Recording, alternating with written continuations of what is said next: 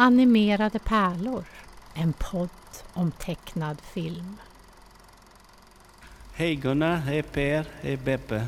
Jag sitter, ja, tack för telegrammet. Jag sitter här i studion Sound Ideas i New York med två duktiga ingenjörer. Kanske vi kan göra någonting med dem.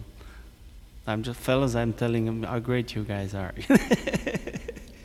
so uh, here is the Dunderklumpen theme. My suggestion for it. I hope you like it. And uh, of course, this is not the, the final form, maybe, but I'll give you a suggestion anyway.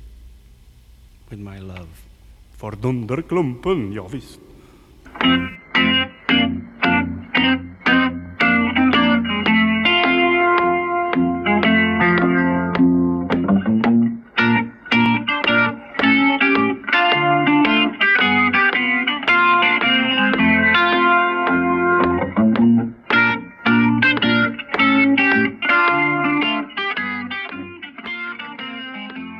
Midsommarkväll i Jämtland. Och det var alldeles stilla. Det här är sjön. Det här är ön. Det här är landet där allting kan hända. Men då är du Tobias och alla välkomna till den här helt nya podden Animerade pärlor. Vad tror du om det? Jag tycker det låter jättebra. Kul att du är här i alla fall, detta premiäravsnitt. Vi ska prata om en stor svensk film, Mhm. får man säga. Du får gärna presentera dig själv lite och berätta vem du är. Ja, vi jobbar ju tillsammans, Jakob. Vi sitter mitt mot, mot varandra på Internetstiftelsen. Eh, Tobias heter jag Edlund, eh, kommer från eh, södra halvan av Norrland, precis som du.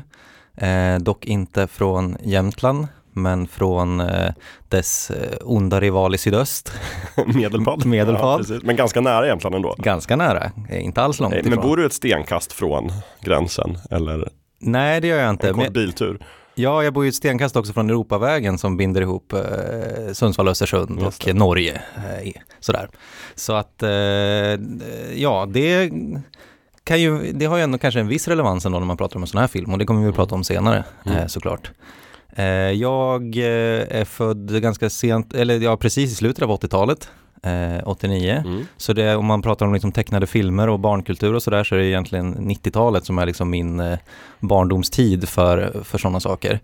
Men jag har också en storebror som är född 75 och då har ju han en, liksom en annan era av, av eh, sånt här. Mm. Eh, så genom honom så har jag ärvt en del, ja, liksom fått se och uppleva en del sådana saker som är eh, olika sorters barnkultur från 70 och 80-talet också.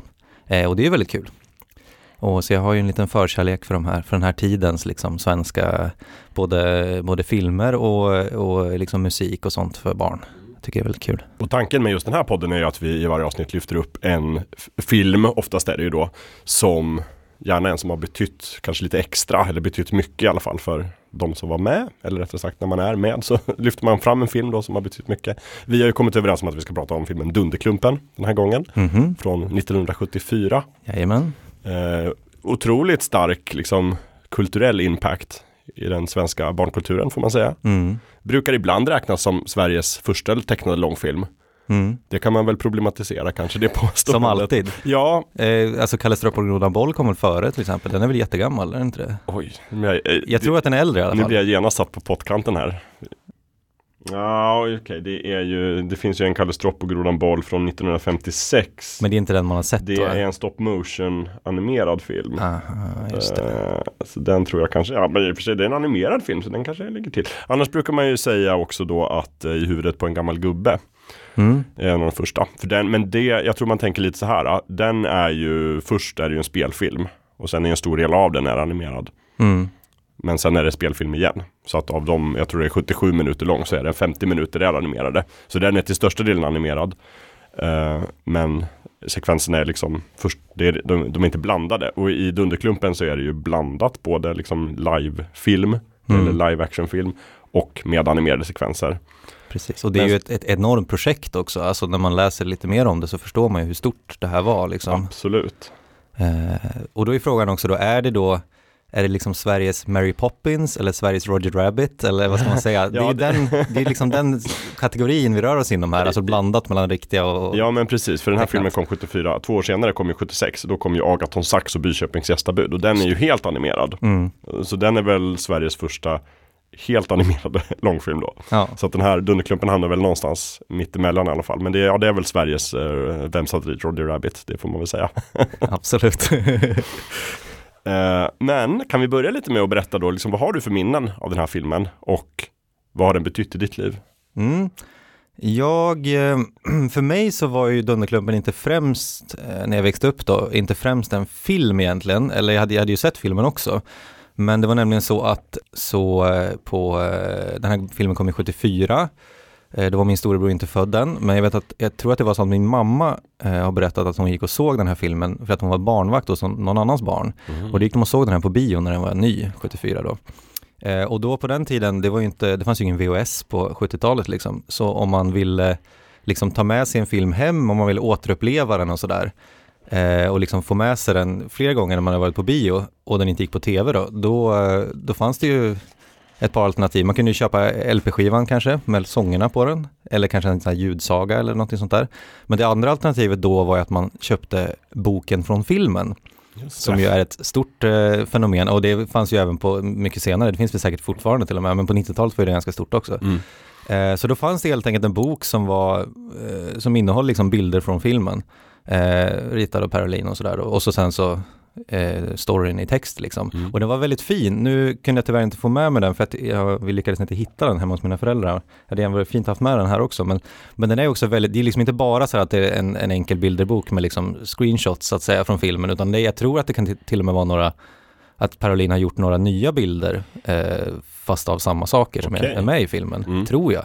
För att det är väl, väldigt fina bilder och liksom, ja, ganska actionfyllt även i, i, som bok så att säga. Och sen så är, som jag minns det, så är också sångtexterna utskrivna.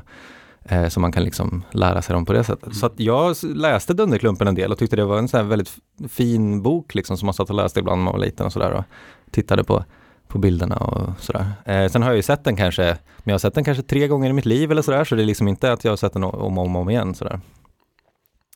Eh, det man inte får med sig i boken är ju såklart hur sångerna låter, men det har jag ju lärt mig ändå. Så. Ja, just det. Precis. Och idag, det kan vi väl säga också ganska inledningsvis, vill man se filmen så är det, den finns inte riktigt på streaming, fast den, den gick att hitta på, jag tror både YouTube och Vimeo hittade vi hela filmen på. Ja, och jag tror att på YouTube finns det till och med en, en engelsk dubb av den, vilket var väldigt Ah, roligt. För den har faktiskt en, en internationell release också.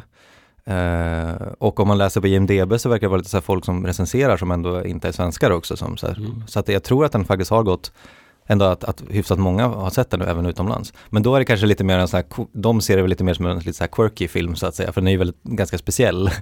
Eh, om man inte liksom är med, har, det, har med sig den svenska kontexten kanske, eller så. Men jag tror att den finns även utomlands. Mm, precis, det påstås till och med, tror jag, på amerikanska Wikipedia att eh, Dunderklumpen från 1974 inspirerade Disney att göra den här liksom Peter och draken som kom, tror jag, 76-77. Ja. Det har jag inte hittat någon liksom riktigt bra källa på. Men vi säger det. det. Men Wikipedia påstår i alla fall att det ligger till så. Citation Ja. needed. Ja, och det är inte omöjligt, men, men jag, jag vill inte påstå att det är sant faktiskt. För det är också en, en liksom blandanimerad film Mm. så att säga. Men om man tänker sig, om man, om man tänker in från en amerikansk kontext till exempel, eller en brittisk, eh, alltså det fanns ju väldigt många, det gjordes mycket sovjetiska och, och liksom östeuropeiska tecknade filmer. Jag vet inte om det var precis vid den här tiden, men i alla fall. Och om man ser dem från liksom ett västligt perspektiv så kanske man slås lite av att de är lite speciella och sådär. De har speciella be- berättargrepp och sådär, jobbar med musiken och teckningar på ett visst sätt sådär. Jag kan tänka mig att om man, är, om man inte är från Sverige så kanske man ser det här som någonting liknande, att det är lite så här, Ja, det är lite quirky och det är liksom, musiken är väldigt viktig och alltså det finns en helt annan berättargrepp i det på något sätt, tror jag. Det tror jag absolut. Eh, och sen det kommer vi komma in lite grann på också. Att det känns ju som att den här filmen är väldigt mycket ett uttryck för liksom kanske 60-talets och 70-talets barnkultur överlag. Mm. Där liksom etablerade musiker och författare och poeter och sånt. Det finns inget liksom fult i att de också jobbar med barnkultur och barnproduktion. Ja. Eh, vilket är ganska vanligt. Och det är ju spännande tycker jag. ja, ska vi komma tillbaka till det eller? För det här är ett av mina favoritämnen att prata Ja, om. det kommer vi komma tillbaka till. Absolut, det kommer få mycket utrymme. Eh, jag kan berätta lite grann om min infallsvinkel till Dunderklumpen också. Eh, precis som Beppe Wolgers då som har gjort filmen, precis som han flyttade till eller upptäckte Jämtland i sena år och liksom köpte sommarhus där och blev förälskad i det. Så är jag också inflyttad till Jämtland även om jag var ganska ung när jag kom dit. Um, men jag hade inte med mig Dunderklumpen tidigare då och jag hade egentligen inte den när jag växte upp. Men Dunderklumpen fanns eh, runt omkring mig. Alltså jag vet att folk i min klass i liksom lågstadiet citerade Dunderklumpen och liksom hänvisade till Dunderklumpen på ett ganska självklart sätt. Och jag förstod först inte vad de menade.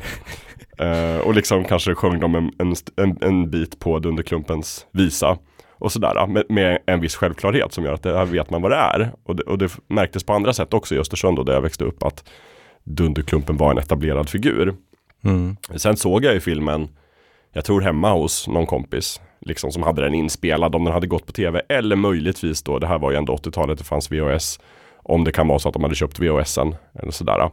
Eh, men jag såg, det tog ganska lång tid innan jag såg hela filmen, för jag såg den oftast kanske bara i bitar sådär. Men det var, min upplevelse är att det var en film som ofta rullade hemma i folks källare då. Ty- Typiskt nog hade man liksom tv-rummet nere i källaren, i liksom vardagsrummet eller tv-rummet. Jämtlands patriotiskt alltså. Verkligen, och där kunde den liksom rulla på ganska ofta. Eller så var det en film man satte på liksom, när man inte hade något annat att göra. Ja. Eh, Så att jag såg många sekvenser ganska tidigt.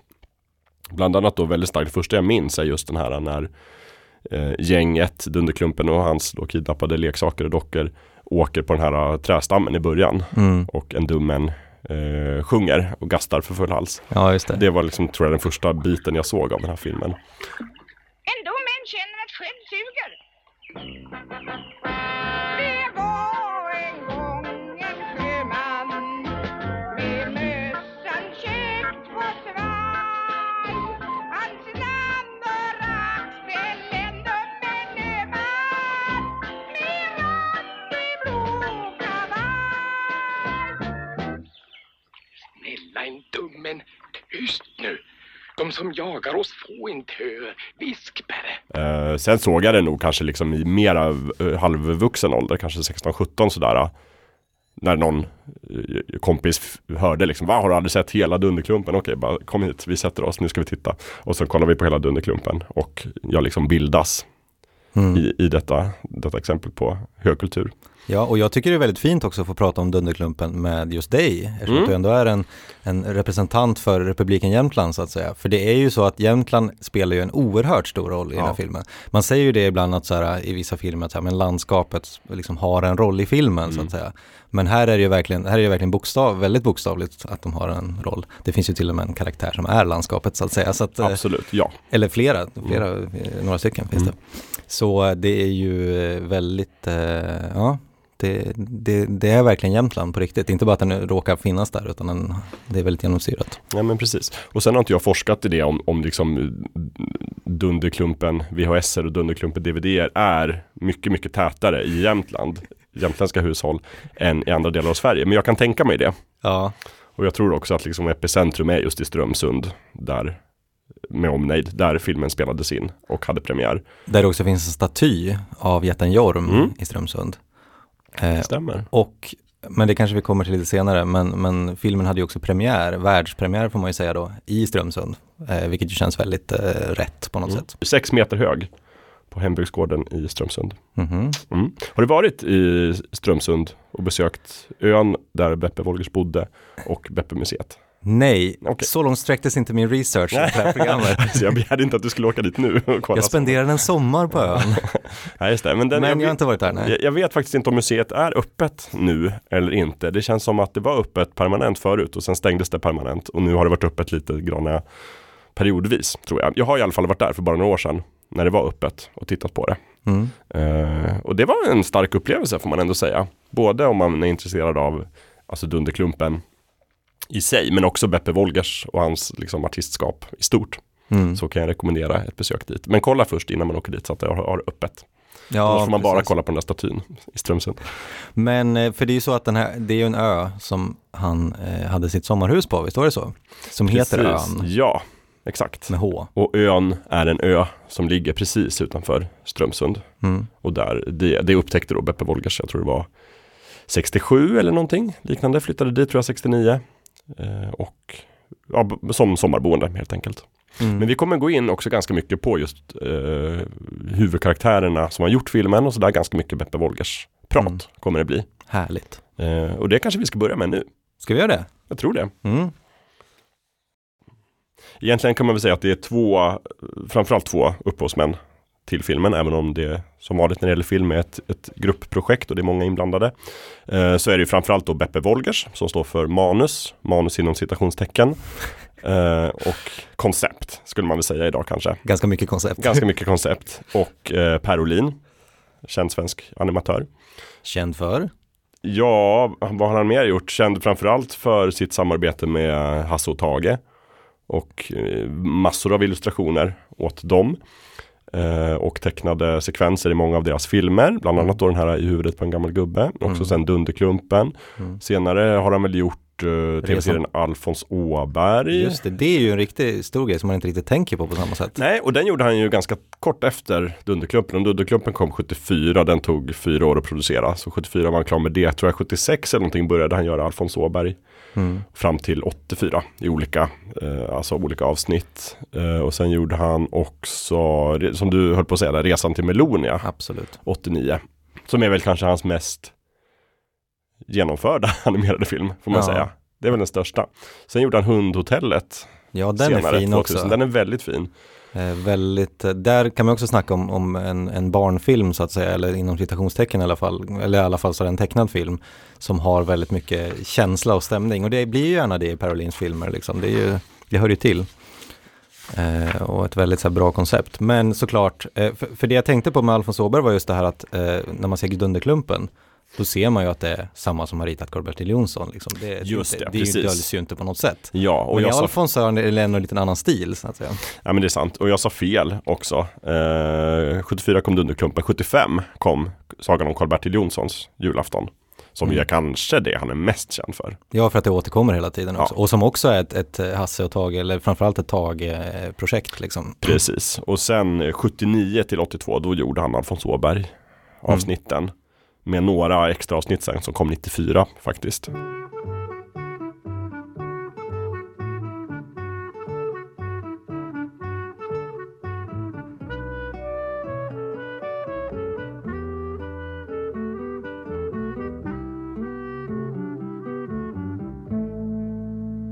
Eh, och sen på senare år så har ju Parolin jobbat då med som sagt Resan till Melonia, Hundhotellet men också tv-serier som Lilla spöket Laban och Lilla Ann och Långa farbrorn. Alltså han är ju en otroligt viktig person inom liksom svensk animering får man ju säga. En Mm. riktig, eller animation ska man säga. Riktig legend. Per Olin som tyvärr gick bort tidigare i år. Mm. Född eh, 1931 Ja, i Hofors faktiskt. just Där det. det också finns en serietecknarskola. Eller fanns i alla fall för några år sedan. Mm. Eh, och han är ju autodidakt då som det heter, alltså självlärd animatör. Det fanns inga animationsskolor eh, på 40-50-talet Nej, i Sverige. Eh, men han började som reklamtecknare och illustratör i Malmö. Och Mm. jobbade på en byrå. Och sen så kom han väl ihop sig just, kanske framförallt med Hasse och Tage. mm. Började göra mycket av deras eh, visuella material. Mycket bokomslag, mycket affischer. Och sen även då animation när det behövdes i deras filmer. Mm. Ehm, och i huvudet på en gammal gubbe då kom 68. Och är väl då ganska till stor del animerad. Det är ju en film, den är 77 minuter lång. Alltså Hasse och Tage-film. Eh, 50 minuter av dem är liksom animerad. Mm. Så, så det får man väl ändå räkna i Sveriges första animerade långfilm. Även om det inte är Sveriges första helt animerade långfilm. Men det betyder att diskussionen om vilken som är den första svenska animerade filmen är, går alltså mellan en Per Olin-film och en annan Per Ja, det stämmer. det är precis. Man, man förstår ju hans impact liksom. Exakt. Eh, och sen om det är någon här som lyssnar på podden som känner till att nej men redan liksom 42 så kom det faktiskt en, en eh, animerad svensk långfilm. Skicka gärna in den och berätta mer om den för vi vill gärna liksom veta mer. Den här Kanske blir ett avsnitt av den. En väldigt vetgirig podd. Eh, precis som att man tror att eh, Snövit och de sju dvärgarna brukar ju oftast pratas om som den första animerade långfilmen i världen, vilket det absolut inte är. Eh, det är den första engelskspråkiga animerade långfilmen, men jag tror det hade gjorts åtminstone 11-12 stycken innan dess. Mm. Men också som inte var i färg, utan Snövit och de sju dvärgarna var den första färgfilmen. Just det. Animerade. Mm. Men Per Olin han eh, bildade ju sitt bolag Pennfilm Studio AB. Det är de som har liksom varit produktion för alla de här eh, verken vi har nämnt egentligen. Som har sitt säte i Skåne. I uh, Hököpinge. En gammal, gam, gammalt sockerbruk tror jag det är. Mm, just det, det såg jag också någonting om, där, man, där han väl egentligen alltid har varit baserad. Ja.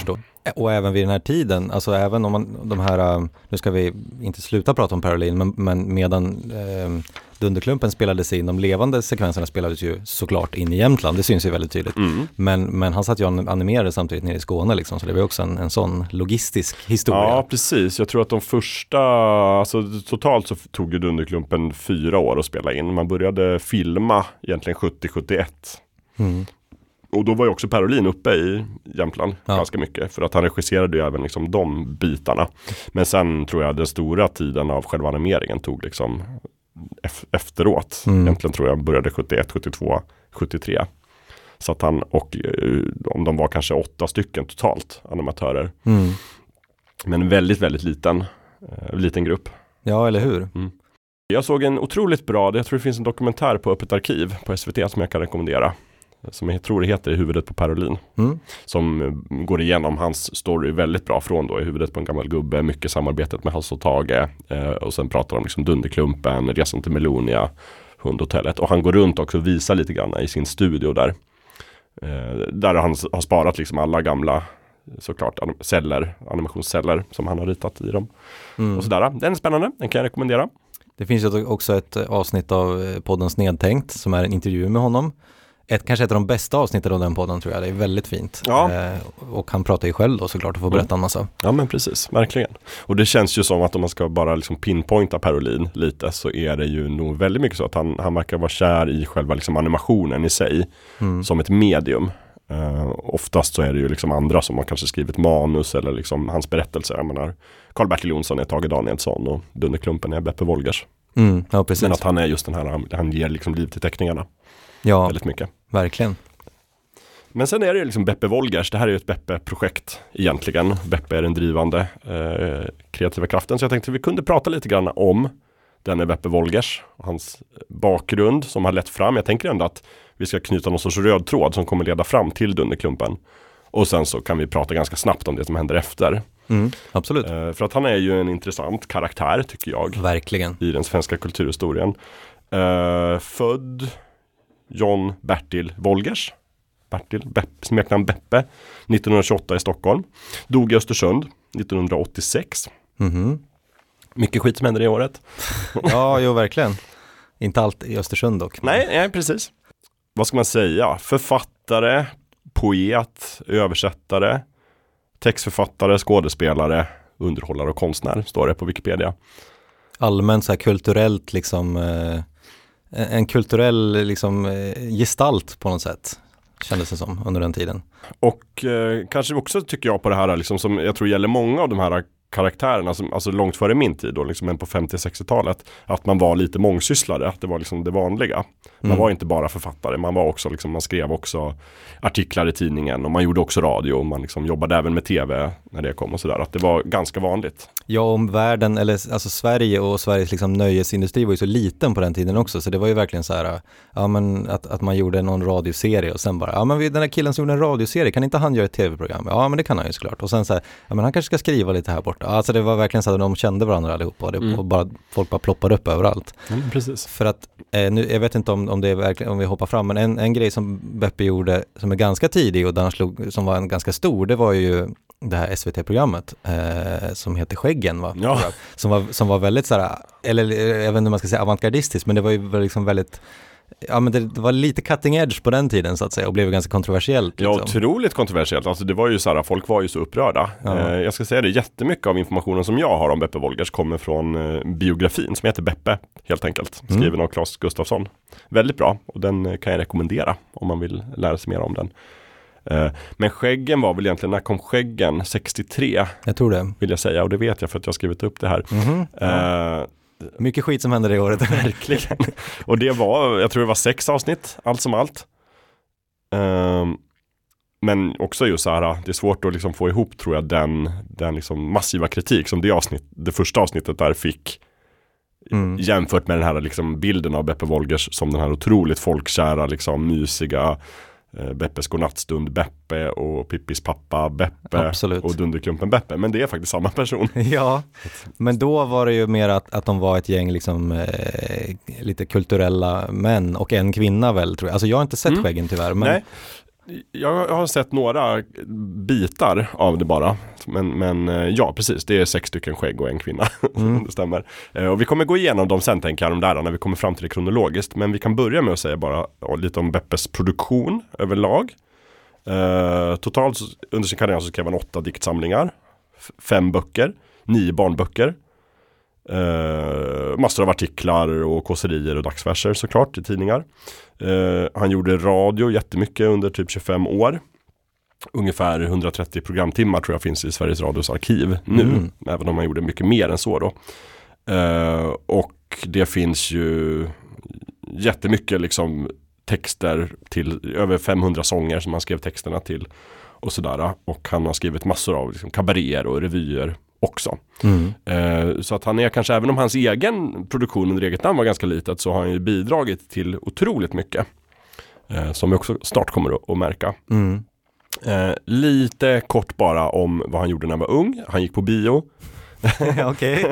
Det står, alltså just, uh, säg att han växte upp under liksom 30-40-talet Stockholm. Det är ju kvartersbions guldålder. Mm. Så att han hängde på biografen Lyran, och Eriksbergsteatern och Röda Lyktan.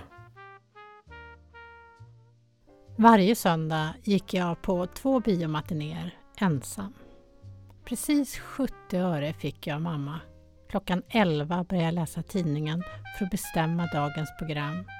Tittade ut resvägen i telefonkatalogen och cyklade iväg. Klockan 12.45. Kom tillbaka till middagen och hade fått glömma hela eftermiddagen hur resten av veckan brukade vara. Och han, det står i biografin att han såg Snövit och de sju dvärgarna elva gånger och blev helt besatt av dem. Okej, Så där har vi en röd tråd till liksom animerad långfilm. absolut. Han kollade också jättemycket på slapstick som eh, alltså Buster Keaton, Helan och Halvan, Bröderna Marx.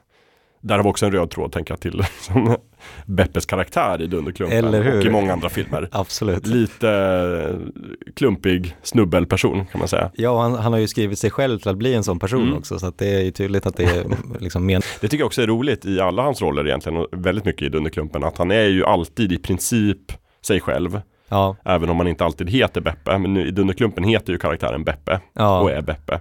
Och utspelar sig liksom i hans vanliga hem med hans fru och hans barn som har sina vanliga namn. ja. Eh, Men i, jätte, alltså i princip också i, i Pippi Långstrump är han ju egentligen Beppe. Såklart. Och i Beppes godnattstund är han ju också Beppe. Han Ja. spelar mycket sig själv. Och jag tänkte faktiskt på det också eh, innan vi började här, att eh, även i en, i, en, i en roll som var skriven redan, som han inte skrev själv så att säga, Mm. så även när han är Baloo så är han ju Beppe så att säga. Eh, det finns en, jag kan ta det nu även om vi ska fortsätta prata om Beppes liv så att säga, men det finns ju en, en scen precis i början av Dunderklumpen när, när de introducerar den här humlan, Ja. den skånska humlan. Ja, Eh, och eh, Beppe så här ska, eh, den landar liksom och så ska han ge den så här, den, han- den vill ha mat liksom. Och så sitter han där, sockerbit. han sitter vid kaffebordet och så Mm, bara, vill du ha socker va? Ja. Och det är väl så här, ska du få lite saft också? Och det är ju verkligen så här, åh vilken lattjo liten pryl, han låter precis som Baloo där liksom, det lyser igenom så mycket. Ja, och, och sen ska man ju säga det också just om, eh, om alltså hans röstroll som Baloo då. Han har ju lagt in väldigt mycket, alltså de, alla de här svenska uttrycken. Som kittlar dödsskönt och kistan Ja, och vilken lattjo liten pryl. Det är ju Beppe. Ja det är klart, Det, är det, stod ju inte i manus. Nej, utan han har gjort mycket av det. Ehm, precis. Uh, Beppe Wolgers blev väldigt jazzintresserad under 40-talet. Eh, och här har vi också en ingång sen. Han köpte en gitarr han var inte så bra på gitarr, står det. Han kunde inte stämma gitarren till exempel själv. Så att han gick till olika, hans taktik då för att inte behöva stämma gitarren själv var att gå till olika musikaffärer och köpa väldigt mycket gitarrsträngar väldigt ofta. Eh, och då bad han också samtidigt när han köpte gitarrsträngar så bad han dem att sätta på dem på gitarren. Och då när de ändå höll på liksom stämma gitarren. Så att han hade, och eftersom att han inte skulle bli för uppenbart då att han gick dit så ofta så hade han elva olika liksom, musikaffärer i stan som han cirkulerade mellan. Så han kunde kanske köpa nya strängar en gång i veckan eller sånt där. Och det här var ändå mindre jobb än att bara lära sig stämma gitarren själv. Ja, eh, precis. Hängde mycket på ett ställe som heter Café Flamman på Vattugatan. Som var någon form av vattenhål för stadens jazzälskare. Eh, och det finns en ganska målande beskrivning av det i, i biografin. Det är krig i Europa. Importen är begränsad. Jazzspisarna har svårt att hitta sin musik i skivbutikerna. Ägaren till Café Flamman på Vattugatan har egna kontakter.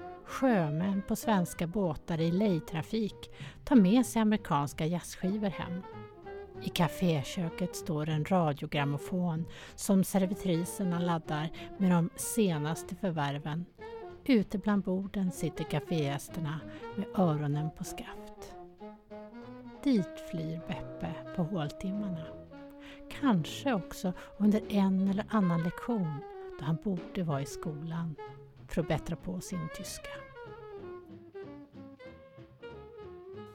Sen fanns det ett annat ställe som, som var ett danshak som hette Maxim som låg på Götgatan. Ehm, där har vi Povel Ramel. Mm. Ännu inte etablerad som Povel Ramel i Sverige utan då bara medlem i typ en, en dansorkester som heter Embassy Sextet. Men han har börjat skriva egna låtar lite smått och vill egentligen vara soloartist. Men jobbar då för brödfödan i den här orkestern. Eh, Beppe spelar en gång upp han söker en plats i den här orkestern och liksom provspelar för Povel Ramel med sin gitarr. Eh, Får inte jobbet. Nej, okej. Kanske måste man kunna stämma sin gitarr för att spela med Povel Ramel. Vi sa, vi hör av oss, men det gjorde vi inte. Jag kände ju inte Beppe. Det var en kille som kom upp bara. Han verkade försynt och snäll och spelade hjälpligt, skulle jag vilja säga. ja. Så så började deras möte men sen har ju de samarbetat väldigt mycket Mm. faktiskt. Eh, bland annat då att Beppe har skrivit väldigt mycket texter till Ja. Ramel och jobbat mycket med hans revyer. Mm. Eh, mest känd kanske är den här låten Ta av dig skorna Just som det, är text. som Beppe skrev, Wolgers, ja. Precis. just det, det är sant. För jag vet att det finns några sådana jättekända låtar som han har skrivit som inte som han inte sjöng själv så att säga. Eller som man inte kanske vet att han Nej, precis. Och Povel Ramel har ju sagt också det att jag skulle aldrig ha kunnat skriva den här texten. Nej, just det. Det, är, det är Beppe. Eh, Ja, det kanske om man, om man tänker på hur den låter och vad som sägs i den kanske man kan få den känslan att det är verkligen en sån, det är mm. hans liksom sätt att vara. Så att det,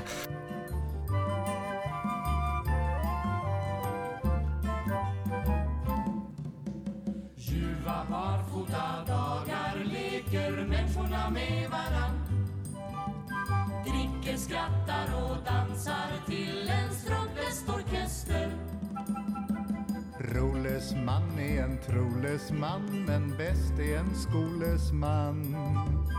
Lycklig, fri och ursprunglig tar han kärlekssemester. Så dröm om min förvåning, det är den dröm som är bäst. Tänk på det när du tar skorna av härnäst. Ta av dig skorna, ta av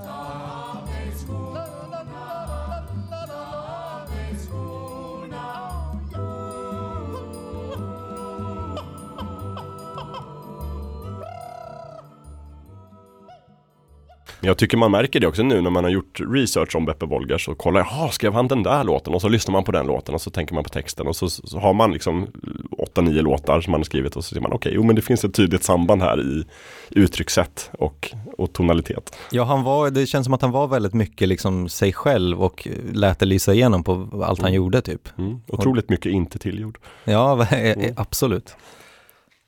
Eh, Beppes första kärlek, en kvinna som heter Erna Eng, som tar studenten 1946 och försvinner ur Beppes liv. Det här kommer också visa sig vara relevant. Eh, nej, det är mest en kul trivia faktiskt.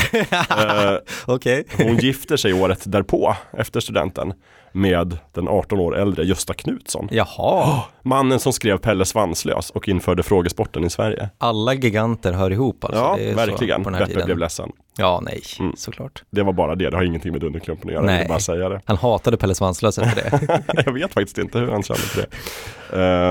Eh, han åkte till USA 47 eh, i tio månader Mm. med en vän och bodde hemma hos dem i deras familj. Det var någon, alltså han gick i skolan i USA och sådär också. Men reste dit med en vän och då upptäckte han också mycket, mycket jazzskivor. Mm. var väldigt formativt eh, tid för honom. Eh, där fanns bland annat en nattklubb, det var i Philadelphia det här som var ganska mycket en tråkig stad på den Mm. tiden. Men där fanns också en nattklubb som hette The Click som var också en jazzklubb. Där hängde han mycket, där finns det ett känt foto som en gång när Beppe är där nämligen är Benny Goodman där och spelar. Mhm. Som är Beppes idol. Mm. Och då eh, får han personalen att liksom ta en bild på honom framför orkestern. Så det Mhm. finns en, en eh, väldigt vacker bild då där Beppe sitter i bakgrunden och orkestern sitter och spelar framför. Det är också omslaget till Beppes egna memoarer, Ja, i alla fall en av dem. Och det här ska ju också bli en koppling lite senare i, det just det här med Benny Goodman blir en koppling kanske lite längre fram också, av något vi ska prata om.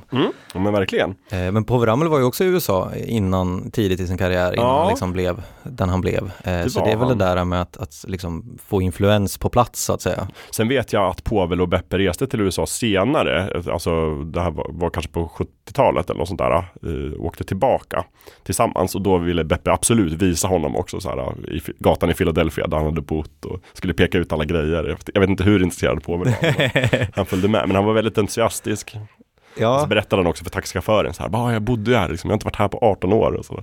Taxichauffören sa, ja, ja, du har, du har inte missat så mycket. ja. Eh, men han eh, reser hem till Sverige igen i alla fall, tar med sig massor av jazzskivor. Bland annat eh, The Page Cavanaugh Trios, Walking My Baby Back Home. Mm. Som ju också är en, en sån här melodi som man känner igen, men kanske med en svensk text som Mm. eh, Beppe Wolgers har skrivit. Nämligen Sakta vi går genom stan. Just det, Som man såklart. kanske associerar då med Monica Zetterlund såklart. Precis, det hörs ju också på titeln egentligen. Ja, men, ja. Så det är ytterligare en sån här grej. Jaha, är det han som har skrivit texten till den? ja, precis. Men då var det inte Mitt Stockholm som var grönt i original. Nej, det tror jag inte. Jag vet inte ens om det var någon stad. Jag har Nej. inte lusläst den engelska texten. Jag vet bara titeln.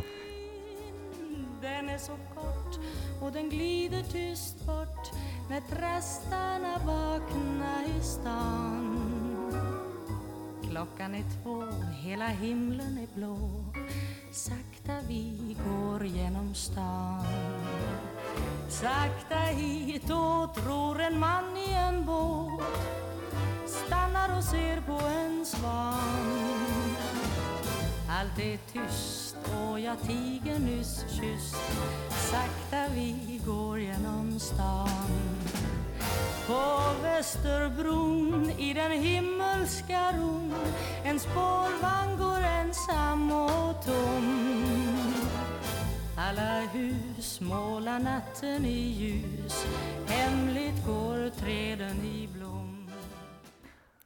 Ja, men det är en del av hans liksom, musikproduktion kan man ju säga då. Precis. Men det här är nog liksom om vi tänker, det här var Beppes barndom lite snabbt. Och sen så har vi hans vuxna liv och den är egentligen 50-talet.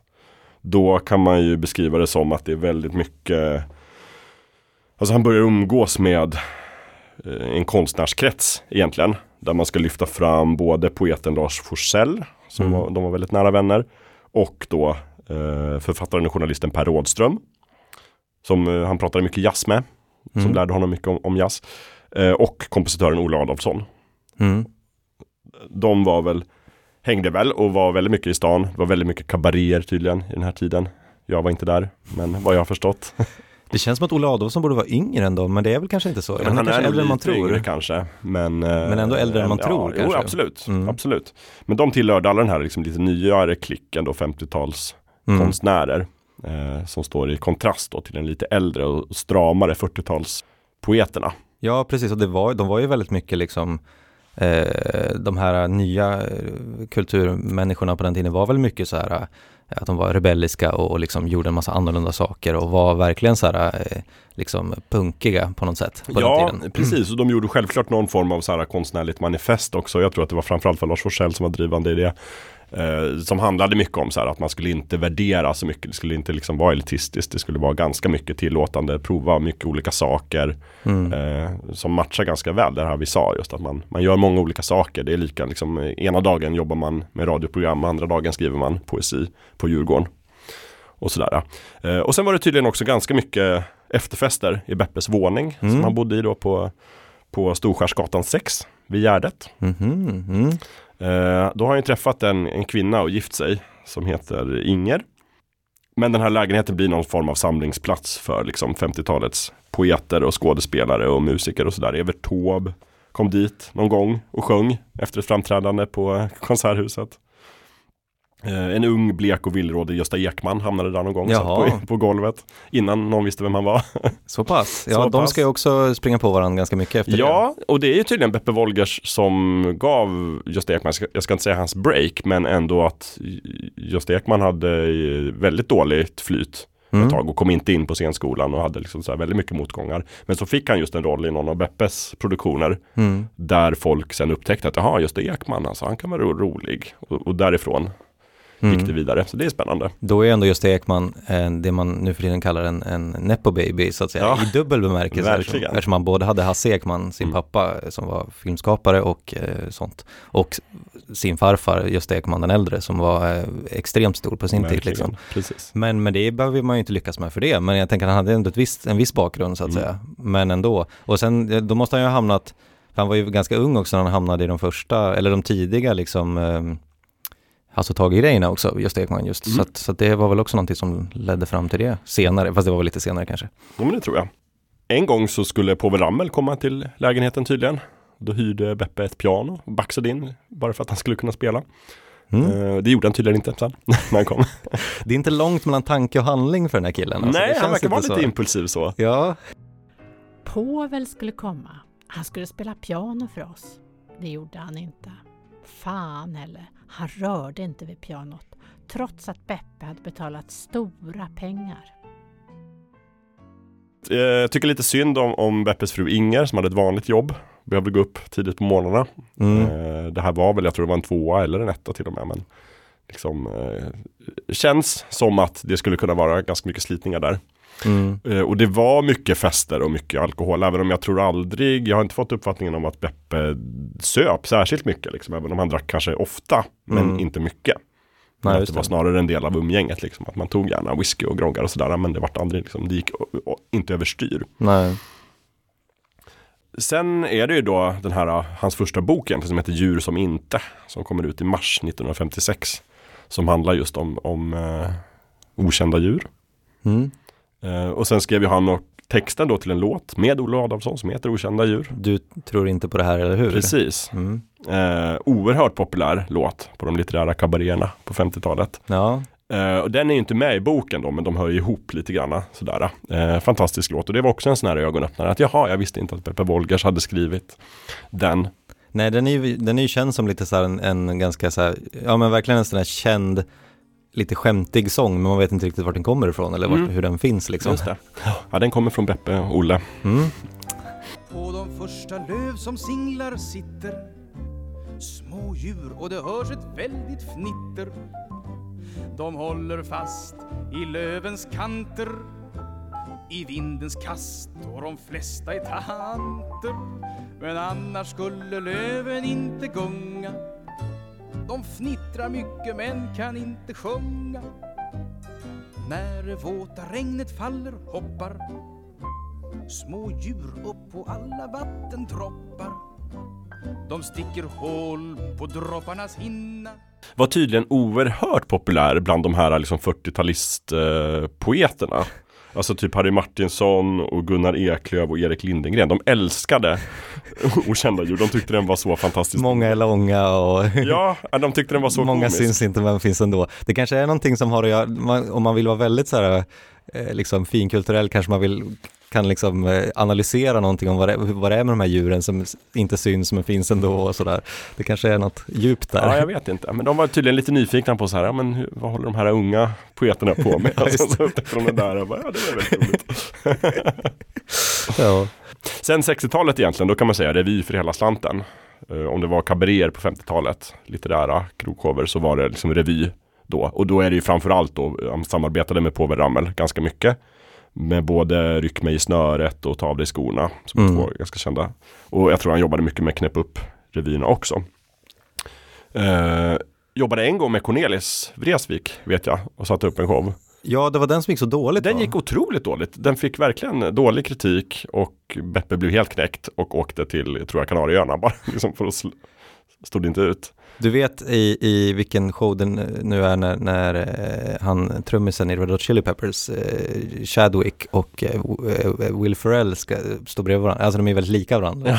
Jag tänker att alltså, de gör en grej Ja, tillsammans, det. liksom, att de så här, spelar trummor bägge två för att Mm. de ser typ exakt likadana ut. Fast de inte är släkt. Alltså Beppe Wolgers och Cornelis Vreeswijk var ju inte helt olika varandra i utseende. Men lite samma kroppshydda och samma utstrålning kanske. Det känns som att de tittade på varandra och bara, vi borde göra en grej Ja, tillsammans hur? liksom, för att vi är så här två mörkhåriga, skäggiga karlar liksom med stor mage. Verkligen. Eh, annars är det, tycker jag, anmärkningsvärt när man läser Beppes biografi hur otroligt lite han jobbade med Hasse och Tage. Ja, just det. Som ju är liksom störst i Sverige Mm. på det sättet och gjorde liksom revyer och böcker och, och sådär. Eh, men de verkar ha jobbat, liksom rört sig i samma kretsar lite grann, men, men väldigt sällan haft något mycket samröre ihop liksom så. Sen har det ju hänt, alltså en del, jag menar de delade ju animatör då till exempel. Till exempel, ja. Många, och Hasse har ju en röstroll i Dunderklumpen. ja och, och Dunderklumpen rollistan, den ska vi prata om senare, men du har, där har du ju ett helt gäng med Hasse och Tage, liksom personer så att säga, som har varit med Verkligen. hos dem också. Ja. Men det är klart att det var ju väldigt många som var med hos dem också, Ja. så att det är ju rimligt. Ja, verkligen. Sen var det väl, det var väl kanske det här just att Hasse och Tage skrev sina egna texter Mm. till låtarna. De behövde inte, som Povel behövde inte en Beppe som kommer in och liksom skapar texterna. Eh, det var intressant i alla fall. Och sen har vi då eh, Skäggen 1963 Mm. som är liksom hans första tv-produktion. Eh, där är Beppe Wolgers och sen Åke Söderqvist som är journalist och som har flyttat till underhållsavdelningen. Eh, och sen Lasse O Månsson. Ja, en annan sån här som är lite mer bortglömd nu, men som är ganska mycket ihågkommen för Svenska med. Just det. Men även en massa andra saker. Ja. Ja, ja men precis. Och, och även liksom, vad, vad är det man brukar kalla det för? Crazy-humorn Mm. i Sverige. Jag har gjort en del liksom, konstiga radioprogram. Mycket bisarra saker. Det finns ju en, en känd, väldigt känd klipp från hans radioprogram där, där det är en person som eh, beställer en eh, korv. Mm. Som är så här absurdistisk, vet. väldigt så här, eh, eh, ska det vara senap på korven? Nej men på brödet, Ja. jag ska inte ha någon korv. Sådär, alltså den, den kan man, den, den heter, för jag tror att programmet heter Blå tummen tror jag, för Mm. det är det man kan söka på i alla fall. Men om man, om man youtubar det, eh, fantastiskt eh, liksom eh, det, ja men alltså det är, det är bara absurdistiskt så att säga, men det Mm. blir väldigt kul. Det är bara massa, att de bara, olika repliker som bara studsar mot varandra och, Ja. och ingenting liksom hänger ihop. Och det är det som är hela poängen. Ja, men precis. Vet du när Blå tummen sändes?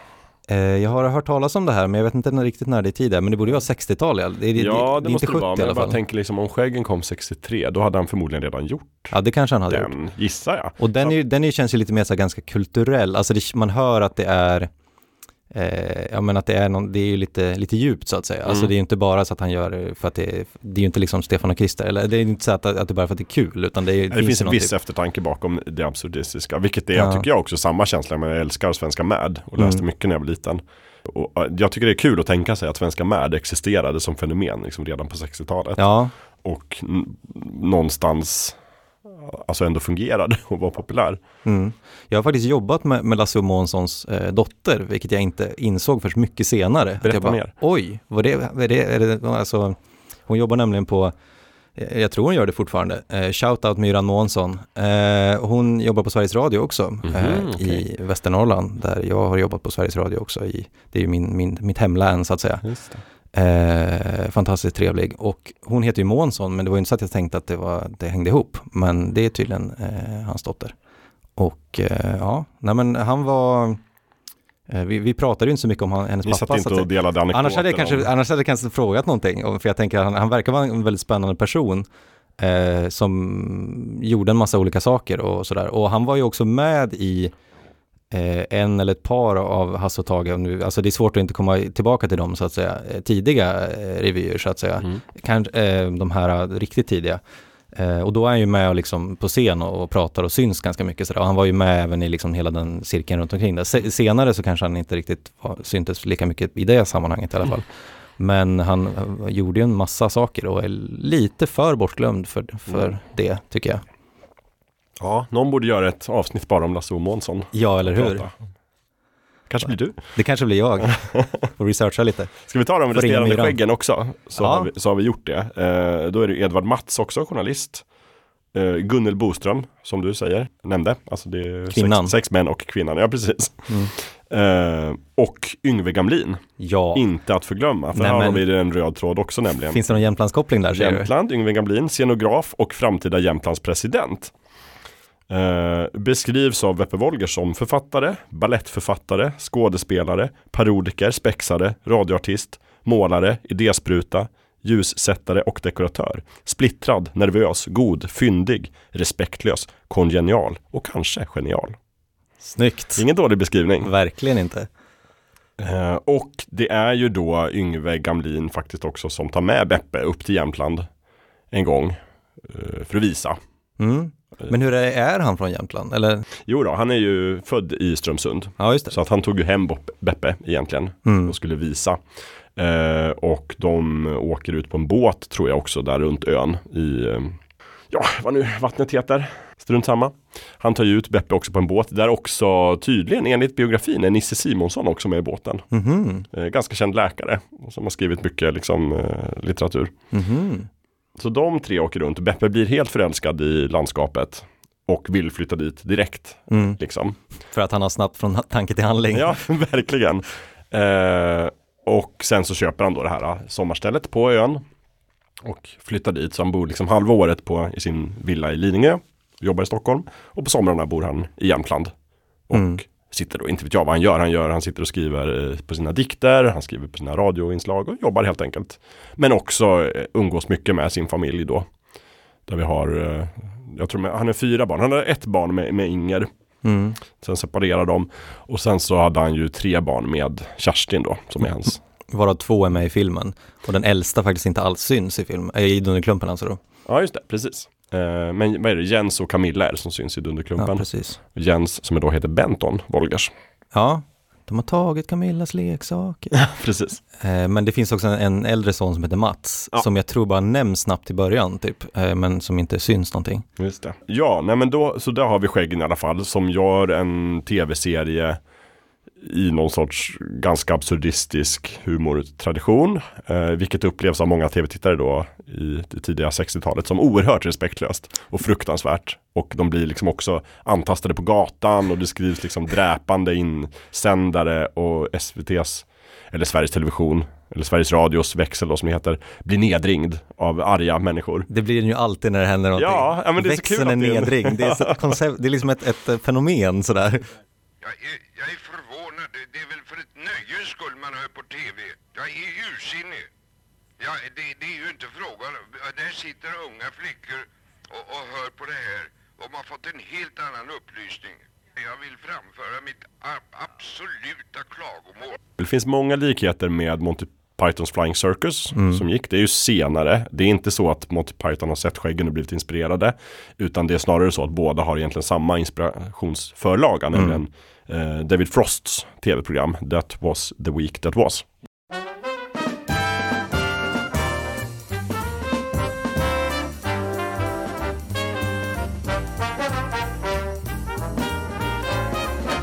That was the week that was. It's over, let it go.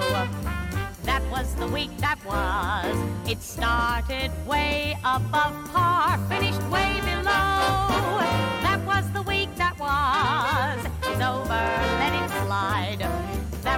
week that was.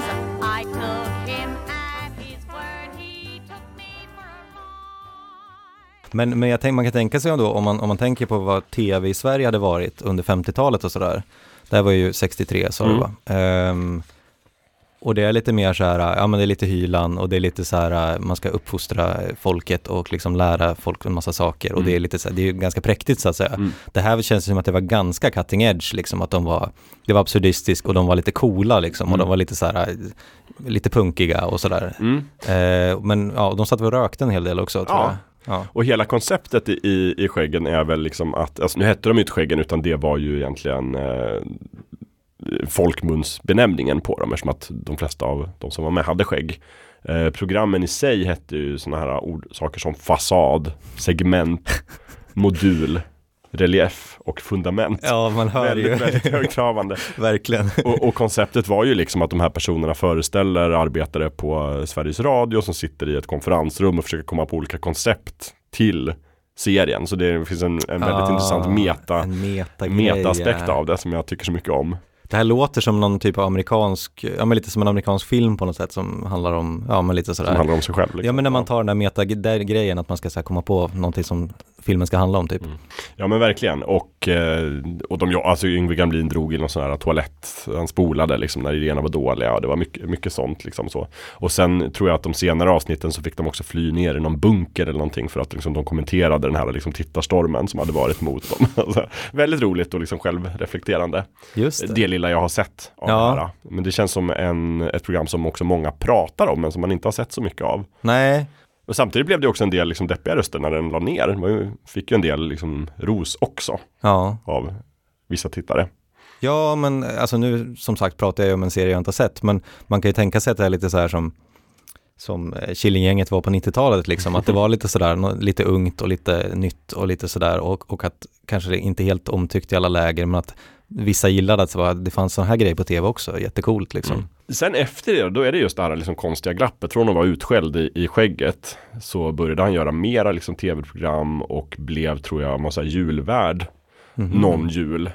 Och blev väldigt snabbt också den här liksom folkliga Beppe som vi känner idag, eller som vi tänker på Beppe Wolgers. Då var han där liksom. Mm. Eh, och sen är det ju egentligen, det här, jag menar spelar Pippi Långstrumps pappa i Pippi tv-serien. Mm. Eh, som också han tror jag fick på väldigt kort varsel. Jag tror det var någon annan skådis som skulle vara det först.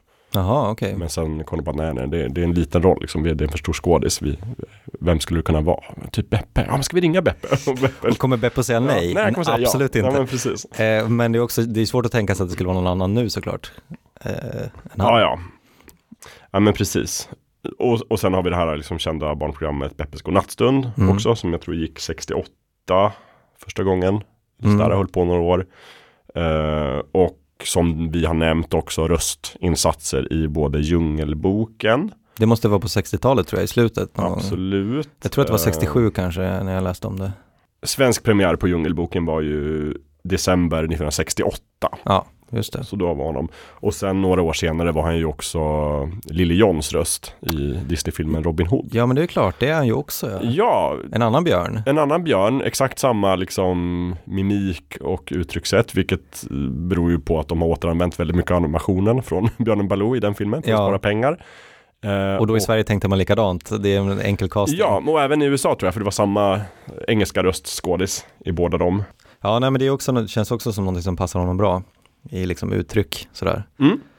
Eh, ja, men, men han har ju, och sen är ju såklart, eller han var med i Pippi tv-serien men också i filmen, eh, vad heter den, i Söderhavet. Nej men precis, Pippi Långstrump på de sju haven kom redan 1970. Ja, just det. Så då, okej. är- men då, då är han ju, har han ju faktiskt en lite större roll. I, i tv-serien är han med, tror jag, i två avsnitt Mm, i slutet och kommer tillbaka och ska ta Pippi med sig. mm, Och ja sen visst, ändrar sig Pippi och, stanna kvar. mm, och Kapten Långstrump seglar iväg själv Ja. med båten som heter Eh, oj, vad heter den? Het- Det kommer jag inte ihåg. Nej, jag vill säga Hoppet Tossa, men det är ju fel. Det är Nej. från Saltkråkan. Nej, det är det väl inte? Efraim Långstrump. Jo, skeppet Hoppet Tossa. Ja, Precis. precis. Det här är, varför tror jag att jag har fel? Varför litar jag inte på mig själv? Nej, på din, din otroliga detaljkunskap.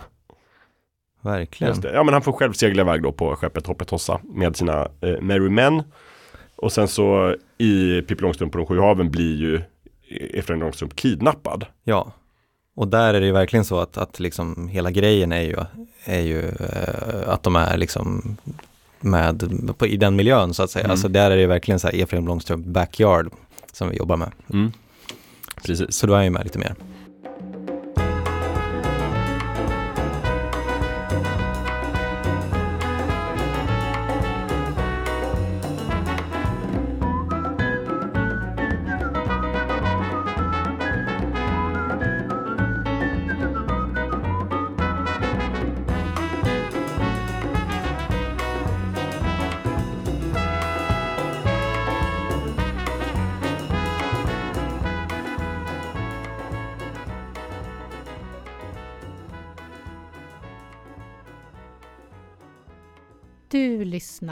Animerade pärlor, en podd om tecknad film.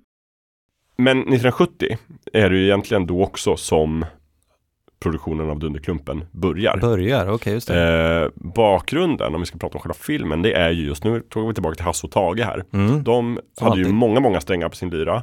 En av strängarna var ju ett barnboksförlag som Mm. hette Svenska Barn. Som bara gav ut en bok under sin korta karriär. Ja. Men den boken var skriven av Beppe Wolgers Ja, och hette Förtrollningar. just det. Och den ska bli viktig här. Den kommer bli väldigt viktig för det är ju just också lite så här hans, eh, ett kärleksbrev till Jämtland. Den handlar ju just om lite olika karaktärer som är tecknade på fina foton av alltså jämtländsk miljö. Eh, och det, den boken är ju då också grunden till filmen Dunderklumpen. Och vissa karaktärerna finns ju med redan där, visst är det så? Ja, exakt. Så det är liksom någon sorts prototyp, lite mörkare, eh, kanske stråk så än, än Dunderklumpen. Dunderklumpen är kanske lite gladare och ljusare. Mm. Men eh, helt klart likheter och så. Eh, och då tar han ju såklart, han får den här idén. Förmodligen fick han den när han var på ön, kan jag Mm. gissa. Bara vi ska göra en eh, halvanimerad långfilm om det här. Tar en kontakt med Perolin. Uh, som liksom inte, och som det beskrivs, inte har erfarenhet nog att tacka nej. För att han förstår inte hur otroligt svårt och omöjligt det här projektet är. Det går ju inte att göra en, en 90 minuters animerad långfilm med den här budgeten och under de här premisserna. Nej. Men det vet han inte, så han säger ja.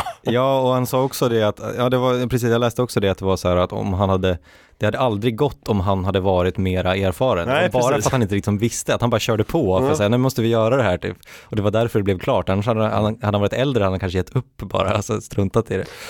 Men så då åker han upp liksom, Parolin, till ön tillsammans med Beppe och blir också precis som Beppe, som alla som kommer till Jämtland, naturligtvis helt förälskad Såklart. i Jämtland och vill flytta dit. Ja.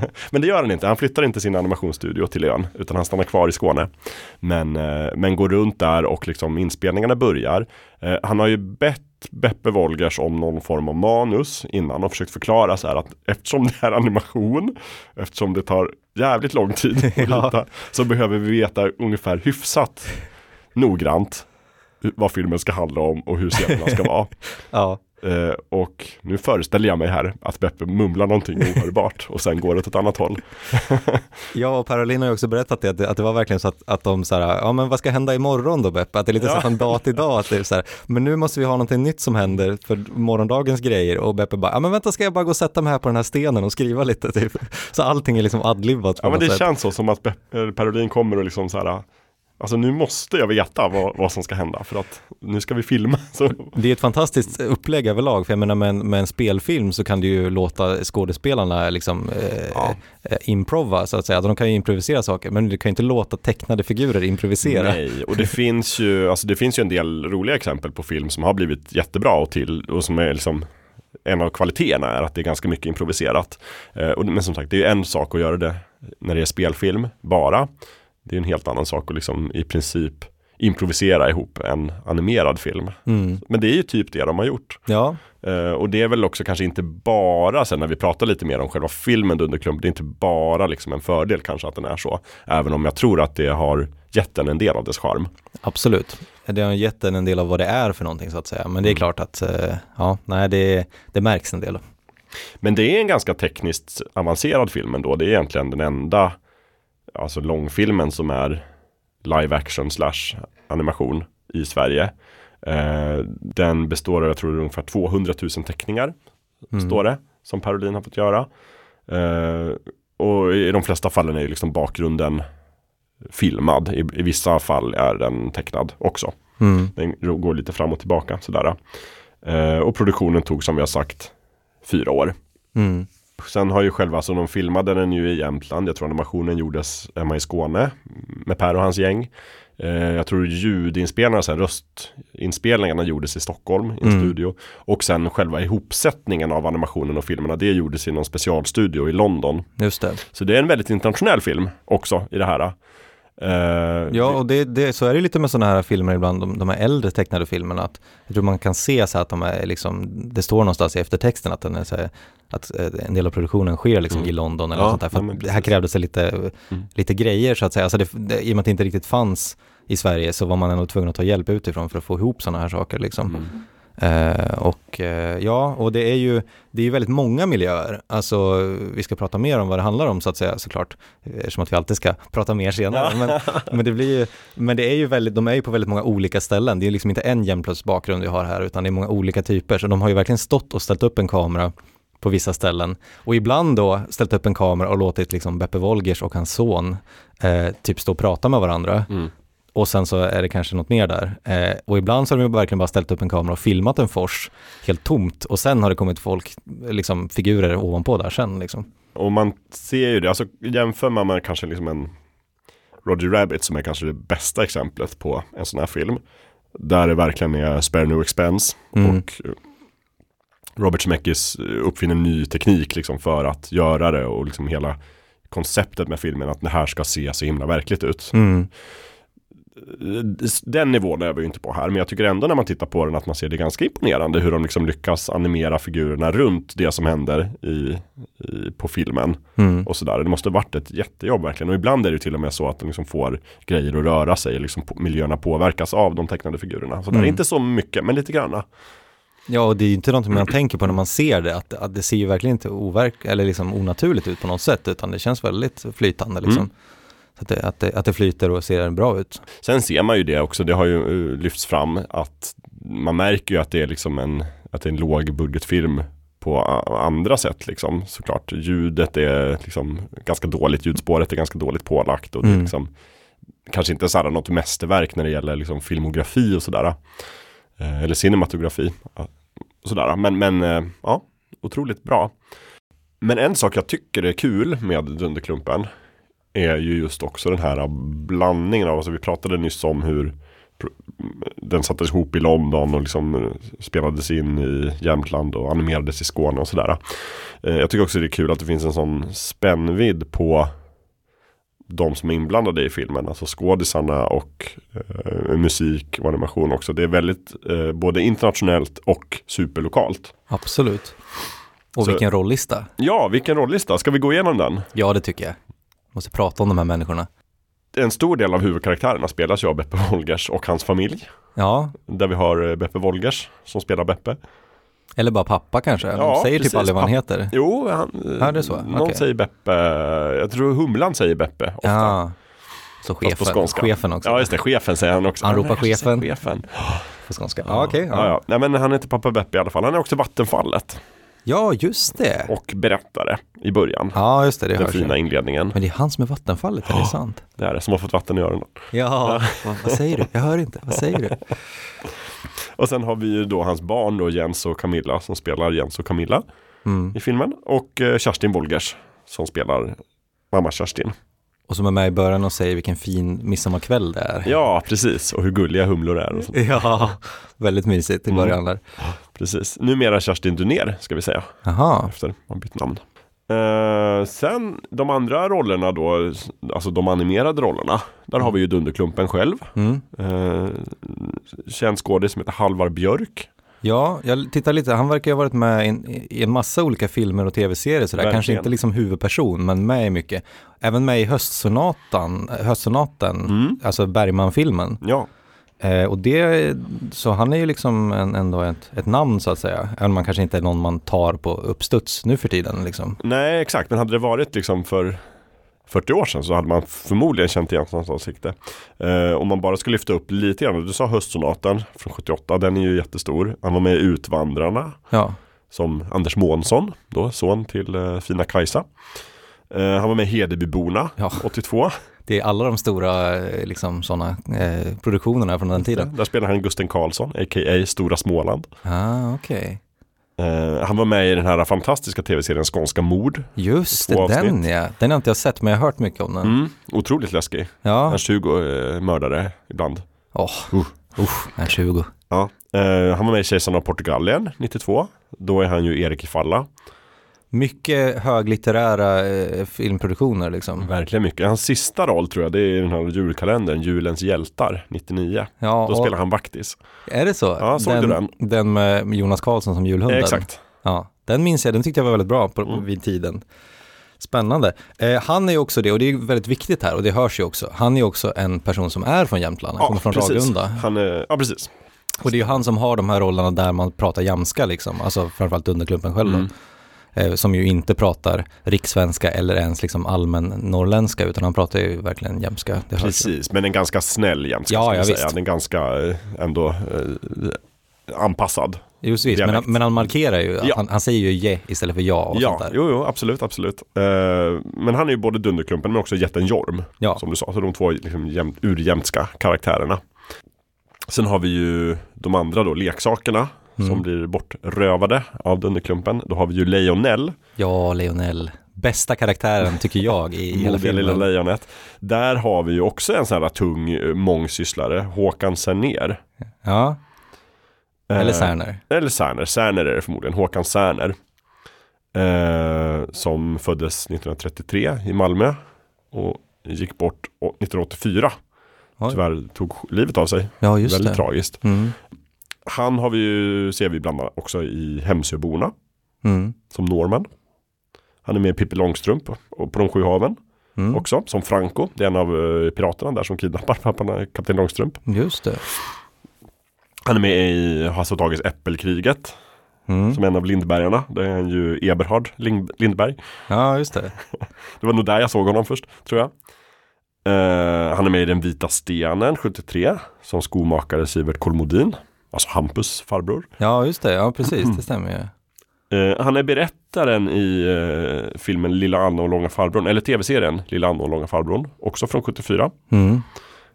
Känns det som att man är inne på, det är ju inte Parolin som har gjort det, men ändå i de kretsarna där han liksom levde så att säga i de här, eh, som är Alfons till exempel. Då. Mm, ja men verkligen.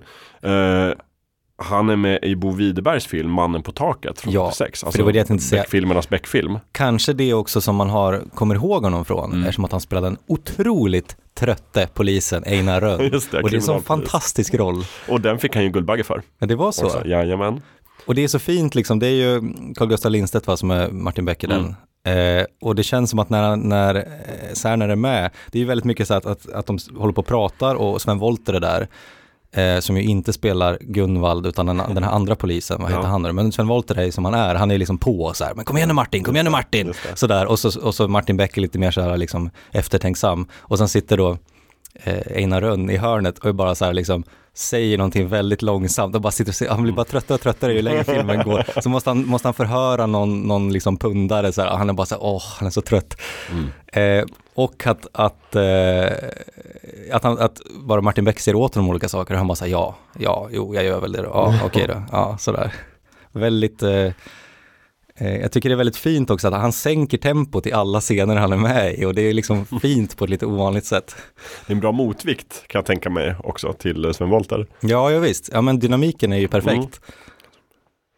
Eh, han är med i julkalendern Trolltider, också Mm. på 74, som Vättern. Eh, han är med i Rasmus på luffen från 81, som en av tjuvarna. Ja, om, man, om, om vi pratar om Halvar Björk förut som kändes som att vara med i alla sådana här högkulturella, alltså så här Selma Lagerlöf, Bergman, den nivån, så verkar verkar Håkan Särner ha varit med i alla sådana här svenska produktioner som är lite mera folkliga, men ändå liksom de här stora grejerna Ja. liksom, och, och för barn eller för liksom allmänt folk sådär. Verkligen. Han är typ jättemycket. Precis. Hans sista roll tror jag också det är ju en annan Bo Widerberg-film, nämligen Mannen från Mallorca.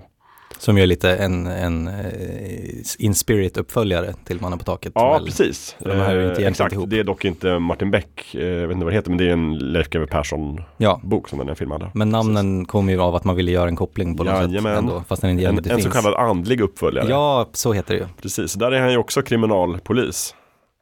Mm. Men Andersson då heter han i den Ja, filmen. Som är på våldsroten. Just Också en bra film. Den har inte jag sett, men. Mannen på taket Mm. är ju otrolig. Den kan man njuta av. Ja, Eh, ja, nej men det är väl liksom, nu har jag plockat så här de största grejerna de här skådisarna har gjort. ja, Eh, går man in på Wikipedia och kollar på deras rollista så är det, det tar ju minuter att ladda sidan bara för att de har gjort så otroligt mycket. Sverige. Men Leonel är en sån himla bra, eller Leonel, han är en sån himla bra eh, karaktär just för att han, han är så väldigt liten och så väldigt mycket attityd. Ja, Alltså han är det är därför man gillar honom, för att, ja, sen har han så väldigt stora byxor också. Ja. Men, men att han så här liksom hela tiden bara så här, kom igen nu, jag, jag ska gå dit, jag fixar det här, jag ska göra göra det här liksom. Jag räddade er. Och så låter han lite som en här maffia, maffiakille på något sätt liksom. Mm. Och lite så här, lite hotfull ibland om det är någon som gör någonting dåligt och sådär. Mm. Och, sådär. och ska vilja slåss med en öga och sådär. Ja men det är... Ja, det är det roligaste när han ska slåss med en öga. Ja, och en öga typ bara så här liksom blåser bort honom typ. Ja. ja, också kul när han liksom släcker elden. Ja, och sen huset. pratar om det hela pratar tiden. Om det, men jag räddade alla. Det var jag som släckte elden. Ja, ja men en fantastisk eh, roll. Jag räddade er! Jag släckte huset! Jag släckte! Är jag inte duktig? Du är världens duktigaste lejon som går i ett par prickiga brallor. Men kom nu, nu springer vi fatt de andra. Men stanna, spring inte ifrån mig! Sen har vi ju en dummen. Ja. Också eh, oförglömlig. Helt omöjligt att inte höra vem det är som gör den rösten. Alltså Gösta Ekman är så mycket Gösta Ekman i den rollen. Det är liksom Gösta Ekman med en så här lite smurfröst liksom. Mm. Precis. Eh, och han är ju väldigt rolig också. Liksom. Som när Sickan får liksom lite fnatt. Ja, just och börjar det. prata med en sko. Då är det också den här tillgjorda, liksom jamande rösten som man har. Och det är ju senare, så Ja. han kanske kanaliserade en dummen där liksom. Kanske. En dummen tror att eh, det här är en dröm och sådär, fast ja. Ja men liksom det, det lite mer absurdistiska inslaget då, den här riktiga galningen, en dummen. Ja, och som också ställer till det flera gånger liksom Mm. för dem. Precis. Eh, vad kan man säga om Gösta Ekman då som vi inte, inte andra redan har sagt? Kanske inte så mycket. Eh, Nej men ett väldigt stort namn. Alltså vid den här tiden tror jag att han var verkligen liksom hot shit också. Så att, eh, sen blev han kanske ännu mer det i Jönssonligan-tider så att säga. Men, men han var ju liksom mm, verkligen kändis, precis. tror jag i alla fall. Jag funderar på när han blev Papphammar. Ja. Som är en av hans mest liksom, folkliga roller innan Jönssonligan. Ja, Eh, jag tror att det var senare. Eller jag vet, jag ska inte, jag ska inte säga säkert, men det känns som att det är, han är en ganska bra värmning liksom, till den här filmen. Ja, definitivt. Eh, ja, men Papphammar kom ju på 80-talet står det. Så, så det är väl senare. Men han var nog absolut stor. Ja. 74. Det säger vi. Och även en, såklart en person som är i Hasse och Tage-sfären på, i allra högsta grad. Där han ju varit med i flera revyer och var väldigt tätt knuten Ja, till ja dem. verkligen. Och filmer också. Ja. Eh, Mannen som slutade röka, Äppelkriget. Mm. Ägget är löst, det är med i också. Mm, ja, det Det är väl är han som sitter fast i isen. Ja, just det, just det. Eh, och sådär. Tydligen så hävdas det att han eh, också är en av Sveriges första rapartister. Va? Tack vare eh, signaturen till farbrorn som inte ville vara stor. Ja, okej. Från 1979. jag vet inte om jag skulle kategorisera det som rap riktigt. Men ja, okej. Tekniskt sett kanske. Goddag, det här är Ragnar. Han jobbar på kontor. Han fyller 33 i maj och han har 45 i skor. Det här är också Ragnar, i Ragnars fantasi. För ju mer han tänker på det, ju yngre vill han bli. Tänk om jag vore tio år, eller kanske bara sju. Då skulle jag vara ute och leka någonting nu. Så brukar Ragnar tänka när han sitter på sitt kontor. För han är faktiskt farbrorn som inte vill vara stor. Ja, han är faktiskt farbrorn som inte vill vara stor. Det finns ju den här grejen också att Povel Ramel gjorde den första ra- rapplåten som heter, vad är det den heter nu då? Eh, Ja, jag minns inte, men att han, att han typ pratsjunger lite i en låt och sådär. Det, ja. skulle, du, skulle du fråga eh, riktiga rapartister tror jag inte de skulle skriva under på något av Eminem de här skulle två. inte tycka att det var rap. Ja, eller en svenska rapartister. men, eh, ja just det. Men, Vad säger Ken Ring om det här? ja, men Farbrorn som inte ville vara stor är ju en fantastisk låt. Det är väl Jojje det nu så, eller? Som har skrivit den, musiken kanske? Eh, Han har gjort Kalles klätterträd i alla fall. Jag vet inte om han har gjort uh, Farbrorn som inte vill ha stor musiken. Ja, just det. Jag får ingen aning om. Men i Men- båda de fallen, där pratar vi om Olof Landström som är en annan svensk animatör. Om man ska säga den svenska animatören som inte är Per Olin. Mm, så är ja. det väl Olof Landström kanske. Tack vare då Kalles klätterträd, Farbrorn som inte ville vara stor och vad heter den tredje? Magisterflykt. Ja, just det. Ja, precis. Eh, ja, nej men Gösta Ekman är ju verkligen en av de stora, riktigt, det finns ju flera stora namn här, men han är en av dem i den här rollistan. Ja, frågan är om man inte är den allra största. Ja. Egentligen så i, i benämningen mest känd. Mm. Nu i alla fall. Och det är väl mycket tack vare då Sickan i Jönssonligan, Mm. Papphammar, alla dussin, dussin filmer. Och såklart bankir Kurt S. Vresig i Fröken Flegmans mustasch. Ja, såklart. Ja, Vi har ju fler, eh, ja, vem hade du tänkt säga sen? Ja men sen hade jag tänkt säga Pelle Gnillot. Ja, ja okej. Och Ska då vi- är det ju också han som har gjort musiken. Ja. Men Toots Thielemans. Så jag Toots tänker att vi kan gå in lite på honom. Han är ju mycket väl värd en utvikning, alltså. Ja. Fantastiskt spännande person. Jag eh, läste på lite om Toots Thielemans, för jag tycker han verkar så himla spännande. Han, eh, han var ju då belgare ehm, och eh, jazzartist liksom. Eh, jag tror att han i början spelade gitarr, men sen så hittade han liksom fram till munspelet och verkar ha varit liksom i så internationellt i jazzvärlden en av de, de stora försvararna för, för munspelet som liksom någonting man använder i jazz. Mm. Så det var verkligen så att han var verkligen hans grej och han var en av de bästa i världen på det. Eh, han flyttade ganska tidigt till USA eh, från Belgien då och eh, började spela och där så hamnade han verkligen i liksom eh, i crème, crème de la crème där. Alltså han har spelat med, med, han har spelat med Benny Goodman, han har spelat med Ella Fitzgerald. Han samarbetar ganska mycket tror jag med Quincy Jones som ju är känd för att ha producerat Michael Jackson senare Just på det. 80-talet. Men som ju också var eh, jazzartist och gjorde en massa eh, saker liksom. Eh, så att han är ju verkligen uppe i, Miles Davis också, ja du hör ju, det är ju stora namn här som han, som han har spelat med. Gräddan. Gräddan. Och så gör han rösten till björnen Pelle Gnillot i, Ja. i klubbarna. Alltså det är sån fin kontrast.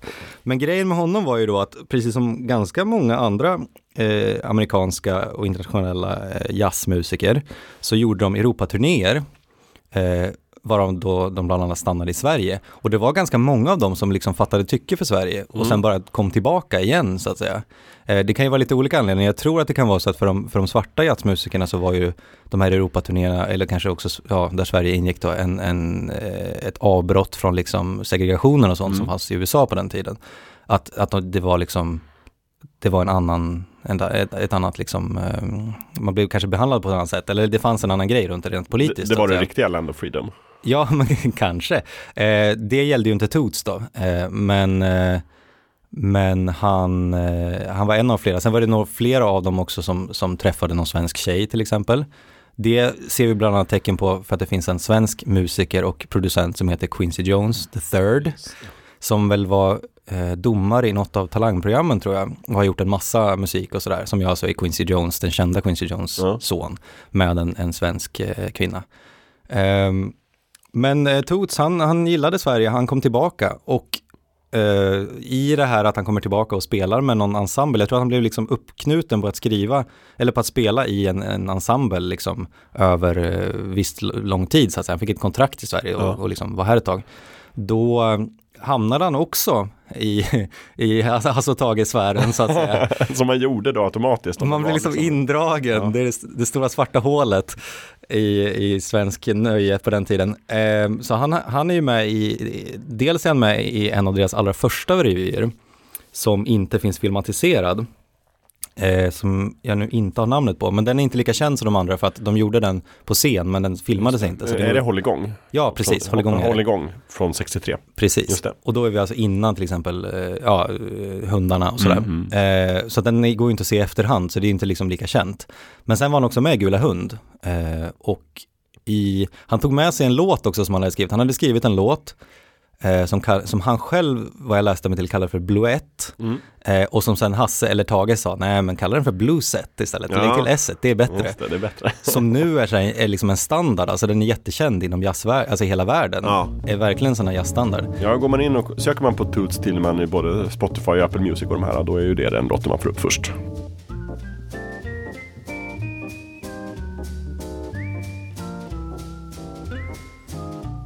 Sen hade han med den där i Hålligång Mm. och sen igen i Gula Hund. Och då i Gula Hund så hade Tage Danielsson skrivit en svensk text till den. Så att just i Sverige, i, liksom i världen, i alla fall i, inom jazzen så är den ju känd som bluesett. Ja. Men i Sverige så är den känd som eh, en bedårande sommarvals som Monica Zetterlund sjöng. Självklart. Hör min bedårande sommarvals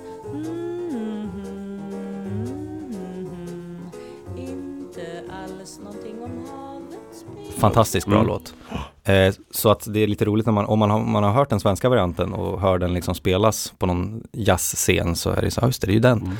Eh, så det gjorde han. Och sen så, eh, ja, han, han var här lite då och då liksom, känns det som, och, och lärde sig också prata svenska på det sätt som Pelle Gnillot pratar svenska på. Så här, Jake Pelliknill, Pelliknill. Alltså han, lå, han låter lite speciell sådär. Men det var intressant för att det där har jag funderat lite grann på. Jag visste att han var med just i Hålligång där men jag förstod aldrig riktigt liksom hur hamnade han i Sverige eller liksom hur kom han dit. Mm. Men eh, mycket spännande. Mm, precis. Så han, han kunde lite svenska då helt enkelt. Ja, precis. Han pratade liksom hjälplig svenska Ja. sådär. Eh, och spelar, det är därför också som Pellegnillo spelar munspel i filmen. Det är ju för att. Toots gör det. Det. Och mycket av musiken, han skrev musiken till, till Dunderklumpen och det är mycket, väldigt mycket munspel där också. Mm, precis. Och, och Tut spelar ju kromatiskt munspel. Ja, vilket det. är svårare än, än vanliga munspel. Men också bättre för att man kan spela fler toner. Det är så ja. Ja, Ja. den har ju fler hål. Aha, är det så? Just det, ja men i alla fall, så han, eh, eh, det, är ju, det är ju liksom en, och det kan man skulle man kunna göra en helt program om bara det, men just det här eh, på den här tiden, eh, den otroligt liksom höga nivån av musiker som var inblandade i olika typer av barnkultur i Sverige är ju fantastisk liksom. Och det, fin, det finns ju hela den här grejen med, även bland de svenska musikerna också liksom, att det är så här någon som eh, ena veckan när de är i Japan med ABBA liksom, och Ja. är så här bakgrundsmusiker till ABBA, och sen ringer någon och bara, du ville spela in en barnskiva om en tandborste och en hund som flyger, och de bara, ja, ja, visst, inga problem. Så kommer de, och det är därför som flera av de här gamla barnskivorna har så otroligt bra musik, Ja. för det är så skickliga musiker som är med liksom. Ja men det säger ju någonting om liksom nu, eh, alltså 60-70-tals kulturen överlag. Både kanske att barnkultur stod så högt i kurs, Mm. men också att det var så prestigelöst, kanske generellt, bland musiker och bland skådisar. Att det var in- inte alls någon liksom, det var inte ett nedköp att liksom göra barnkultur på det sättet. Nej visst, och de bara ringde så. in sin kompis liksom som var jättestor och Ja. sådär. Eh, och det är ju här också ett exempel på det. Så, de, så det verkar ju som att att Beppe ringde till, eller hörde av sig till Tos Tilleman som då var i USA. Ja. Han var i New York. Eh, som då klev in i en studio som ligger på, ja men någon av de här, någon avenue liksom. Eh, men där han brukar spela in saker liksom tillsammans med samma, samma ljudtekniker som han brukar ha liksom. Och, och, och det Beppe har sagt till honom är väl typ så här, ja men du, vill, vi, har en, vi har en film på gång här, Parolin ska animera Mm. liksom. Det, det ska vara några talande leksaker och så ett troll som springer runt i, i Jämtland, ska du, ska du vara med eller? Och han bara säger, ja ja visst. Och sen så skapar han, eh, jag, jag har nämligen hört eh, den här historien berättas, att han spelade in, för den, den finns att se, ett litet sånt där demotape, där han så bara, bara så här, men jag tänkte att det kunde vara någonting sånt här liksom. Och då är det så att han sitter i studion och bara berättar så här, bara hej Beppe, tack för ditt telegram, så här, jag, jag tänkte att det skulle vara så här, hoppas du har det bra, vi, vi gör någonting sånt här. Och sen så spelar han ungefär liksom det här eh, Dunderklumpen-temat liksom, med några stackars eh, amerikanska ljudtekniker som inte fattar någonting. Också för att han måste ju ha spelat in Eh, replikerna där också, för jag tror inte att han kom till Sverige för det. Jag tror han gjorde det i USA också. Ja, kanske. Alltså jag tänker nu på den här eh, filmen om Perolin som jag såg på eh, Öppet arkiv. Där tror jag att, om jag minns rätt, så var Toots Thielemans med Mhm. och sitter i en studio med Perolin. Okej, Så men då kanske han kom var för det. någon gång där för att spela in liksom musik. Eftersom att det var tydligt. För Parolin säger till honom så här, men det är bra, spela lite långsammare. För det måste passa med det här som jag har ritat. Ja, just det. Eh, Så att han gjorde nog en, en del av det i Skåne i alla fall. Okej. Eh, Men han var nog aldrig så långt som till Jämtland. Nej, och det är ju, alltså det är ju hög nivå på musiken och musiken är ju viktig i den här filmen liksom. Definitivt. Eh, och, och Tos Tillemans senare, liksom, han är ju nu, eh, han dog för kanske ja, ett, ett gäng år sedan, liksom. han levde ju in på liksom, 2010-talet i alla fall. Eh, och eh, han är ju fortfarande ett väldigt stort namn eh, och liksom eh, det finns en, en video på YouTube, jag tror det är från Polarprisutdelningen något år, när han spelar med Stevie Wonder. Eh, när han gör liksom en hyllning till Stevie Wonder så att säga på, på scenen. Och jag tror att han är ju verkligen fortfarande en sån eh, stor inom jazzen så att säga. Eh, men hade den här kopplingen att han kan göra såna här saker också, det är väldigt kul. Otroligt bra biografisk research du har gjort på Toots. Tack så mycket, för det var en lucka i mitt vetande. Mm. Eh, jag kan bara nämna det jag har skrivit upp, nämligen att han är känd för att han har gjort musiken till lite andra filmer också. Just det, det, det glömde jag. Mm. Av de två största vill jag lyfta fram Midnight Cowboy från 1966 och The Sugarland Express från 1974, Mm. samma år. Mina cowboy med Dustin Hoffman och John Voight, där är också munspel och också väldigt fin musik. Exakt. Som är ganska viktig där Mm. också. Och på tal om munspel så gjorde han ju också intromusiken till Sesame Street. Ja, bara en sån sak.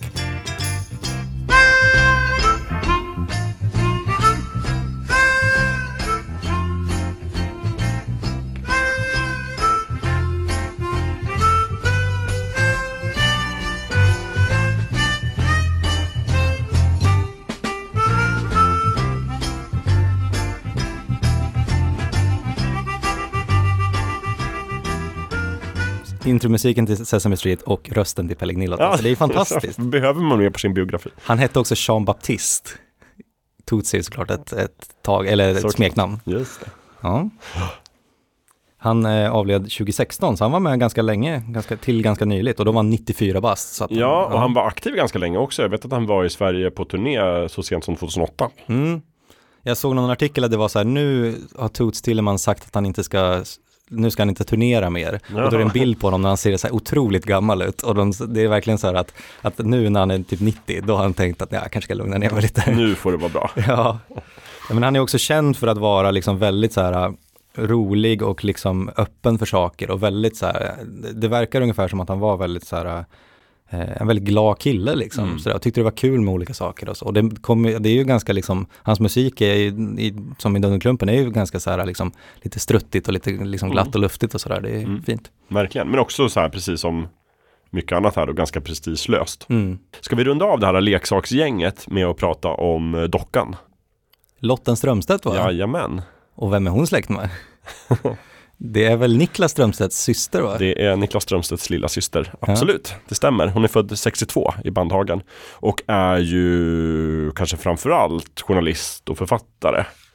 Men också kompositör. Eh, Jag har skrivit upp två saker på CVt här för henne. Dels är det att hon är lilla syster till Niklas Strömstedt. Mhm. Men också att hon har skrivit text och musik till musikstycket Vad är det för en dag? Mhm. I filmen Lotta på Bråkmakargatan. Jaha, oj. Eh, Vet du vilken jag tänker på då?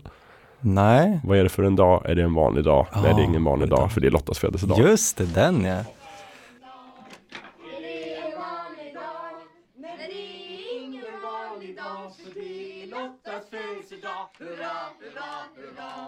Nej, det är ingen vanlig dag för det är Lottas födelsedag Hurra, hurra, hurra Det har hon skrivit Ja. tydligen. Det är bra gjort. Ja, det är verkligen otroligt. Det är lite som Beppe så de har skrivit lite olika låtar ingen vet om. Precis. Eller många inte vet om. Annars vet jag inte om Lotten Strömstedt har gjort så mycket röstroller eh, förutom Dunderklumpen. Nej. Eh, nej, jag tror inte det heller. Men alltså det finns ju en, en roll som är väldigt fin och som, som ändå pratar väldigt mycket också. Eh, och som man ju hör väldigt mycket, det är ju Blomhåret. För att hon är ju, ja, alltså det är ju också en sån här röst där man hör, på samma sätt som Gösta Ekman. Och de är också kop- sammankopplade Mm. såklart i Jönssonligan. Men, men det, att, det, att det är så mycket hon så att säga, det hörs ju så himla tydligt i den här rollen också. Just det, i Jönssonligan så spelar Birgitta Andersson, då är hon gift med Björn Gustafsson, Dynamit-Harry. Mm. Spelar Eh, Doris. Men också hänger mycket med Sickan naturligtvis. Ja. Och hon är ju känd för Teskedsgumman till exempel. Ja, ja, visst. Eh, Hasse och Tage också. Eh, lite, jag tror också att det, är- jag vet inte om det är lite tidigare deras, men där är hon ju med och, och gör roller och, och sånt där också. Så att. Ja, nej, men hon är med i så mycket. Det är också en sån här, liksom, det går nästan inte att ladda wiki-sidan med filmer hon har gjort. Eh, också Hedvig Höök får vi lyfta fram i, från A till Ö. Mm. Om vi ska prata barnprogram. Eh, och tycker jag också Madicken, där hon ju spelar Abbes mamma. Ja, det gör hon ja, just det. Då är hon gift med Allan Edwall. Ja. Herr Nilsson. Ja, denna, denna Astrid Lindgren, eh, liksom, eh, vad säger man, möbel, eller han är alltid med på något Ja, sätt. ja, ja, precis. På ett eller annat sätt Ja. så ska han in. Det är roligt. Eh, och hon är ju också, hon spelar ju också Björn Gustafssons fru i tv-serien En fyra för tre. Ja, just det. Den har inte jag tittat på så Nej. mycket, men det, det är sant. Det vet jag inte om hon behöver göra heller. Det kanske kan var en referens till, Jag eh, tror det. Antagligen var det väl så. Mm. Nej men hon har ju en ganska liten men viktig roll skulle jag säga som, som eh, Blomhåret. Ja. Ja, precis. Och hon är ju med lite så här, Blomhåret är ju både en, en hjälp, det är ju väldigt många karaktärer som dyker upp och liksom Mm. är en hjälp på vägen i den här filmen, men, men också att hon är lite allmänt så här, ett, ett, ett stöd typ så här. Alltså, bara, "Här sitter du här lille Jens, så där. Nu, ska du få, nu ska du få hjälp här. Så Ja, där. precis. Och väldigt så här, mysig eh, liksom, tantkaraktär känns Mm. det som. Och sen har vi ju Enöga också. Mm. Filmens skurk eller antagonist. Och där har vi ju Stig Grybe. Som ju också har gjort alltså en del både röstinsatser och eh, skådespelarinsatser.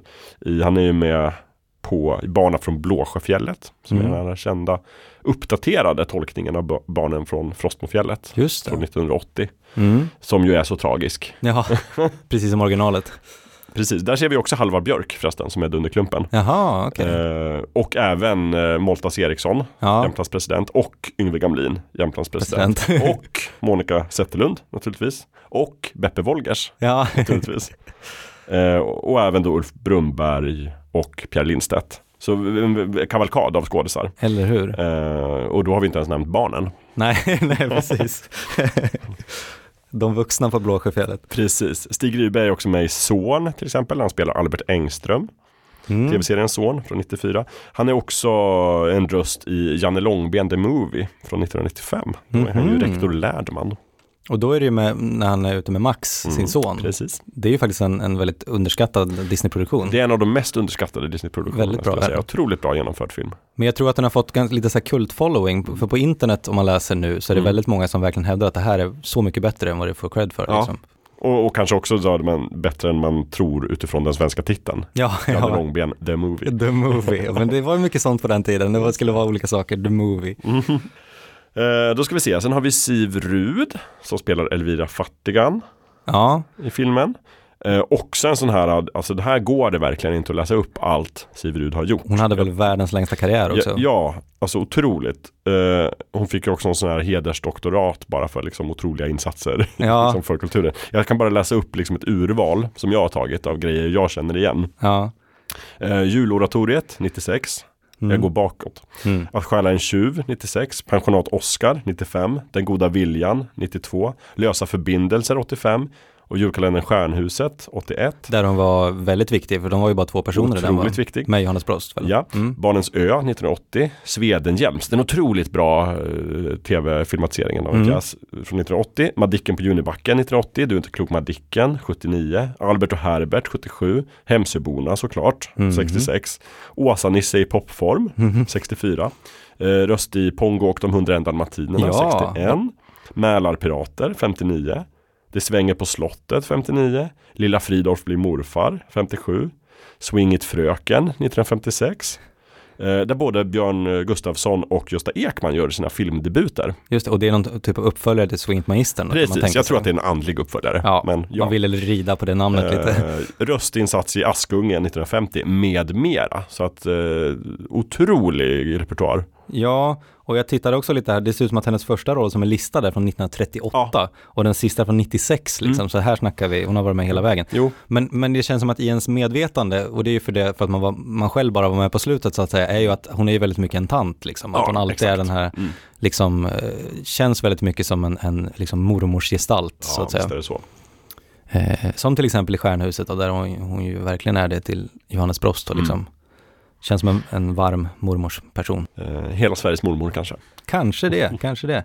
Sen är det väl egentligen lite småroller kvar. Egentligen, det är inte så otroligt många karaktärer i den här filmen. Men vi har ju då Hasse Alfredsson som kliver in och gör sin Skånegrej som Humlan. Som den skånska humlan. Ja, Och som man kanske i början tänker att han ska bara vara med lite, han är ju faktiskt en av de karaktärer som hänger med hela vägen. Ja. För vissa kommer ju och går lite sådär, men han är ju där och har ju faktiskt en ganska viktig roll, för han hjälper till ganska mycket på Ja. slutet med att det ska lösa sig Mm. liksom. Han är mycket sambandscentral. Han kan flyga fram och tillbaka och liksom berätta så här, det här hände där borta, nu ska vi göra så bra. Ja, och så tar han på sig sina små hörlurar och har en Ja. liten sån här liten eh, mikrofon och bara hallå chefen, hallå. Ja, precis. Och ibland sina pilotbriller och bara flyger iväg. Ja, Jättekul. Eh, och sen har vi ju såklart också Bert-Åke Varg. ja som Måste huset. Som huset. Huset som pratar. Just det. Ja, vad kan vi säga om honom? Gustav Sjögren i Rederiet. Han, tillsammans med Peter Harrison dubbade han typ allt som gick på tecknat på Oerhört, 80-talet. må- oerhört många röstroller. Ja. Eh, Asterix, S- Starsinger, Ja, Starsinger, precis, jag tänkte på den också. ja, Tintin naturligtvis. Såklart. Med mycket i Tintin. Eh, DuPontarna i Tintin. Ja. Super-Ted också. Jaha, Eh, han är med Tom och Jerry. Han är med i, alltså han, otroligt mycket. Ja, han hittade ju verkligen en, en samtidigt, alltså samtidigt som han var en, en, liksom en folkkär och väldigt känd skådis så hittade han ju verkligen in i det här äh, dubbfacket liksom Mm. och, och jobbade mycket, väldigt mycket med det, vilket är kul, han gör det ju väldigt bra. Ja, verkligen. Eh, men det här är ju ändå liksom många av de saker han har dubbat som man känner igen, det, var inte, det här var inte hans första på något sätt, men det är ändå liksom, det här är ändå lite tidigare så att säga, för sen efter det så kommer det mycket Tintin till exempel och, och sådana där saker. Mm. Det är väl han som är ugglan ifrån Hat och Öva. Mm. Oh ja, absolut. Eh, han är också då, eh, vilket man kan nämna som en parentes, han är ju från Västerbotten, Ja. Hörnefors, vilket gör att han är ett av, en av de norrländska skådespelarna i den här filmen. Mm. Och det där tycker jag är lite in, intressant, det är klart att, att inte alla måste vara det eftersom att dels är det de här massa karaktärer som bara finns så att säga, det är inte så att de liksom måste vara från Jämtland, förutom de nyckelpersoner som Dunderklumpen själv och Jorm och sådär som ju är det. Eh, och eh, Beppe och hans son är ju väldigt tydligt liksom sommargäster, det syns ju liksom, Mm. det märks ju överlag. hörs.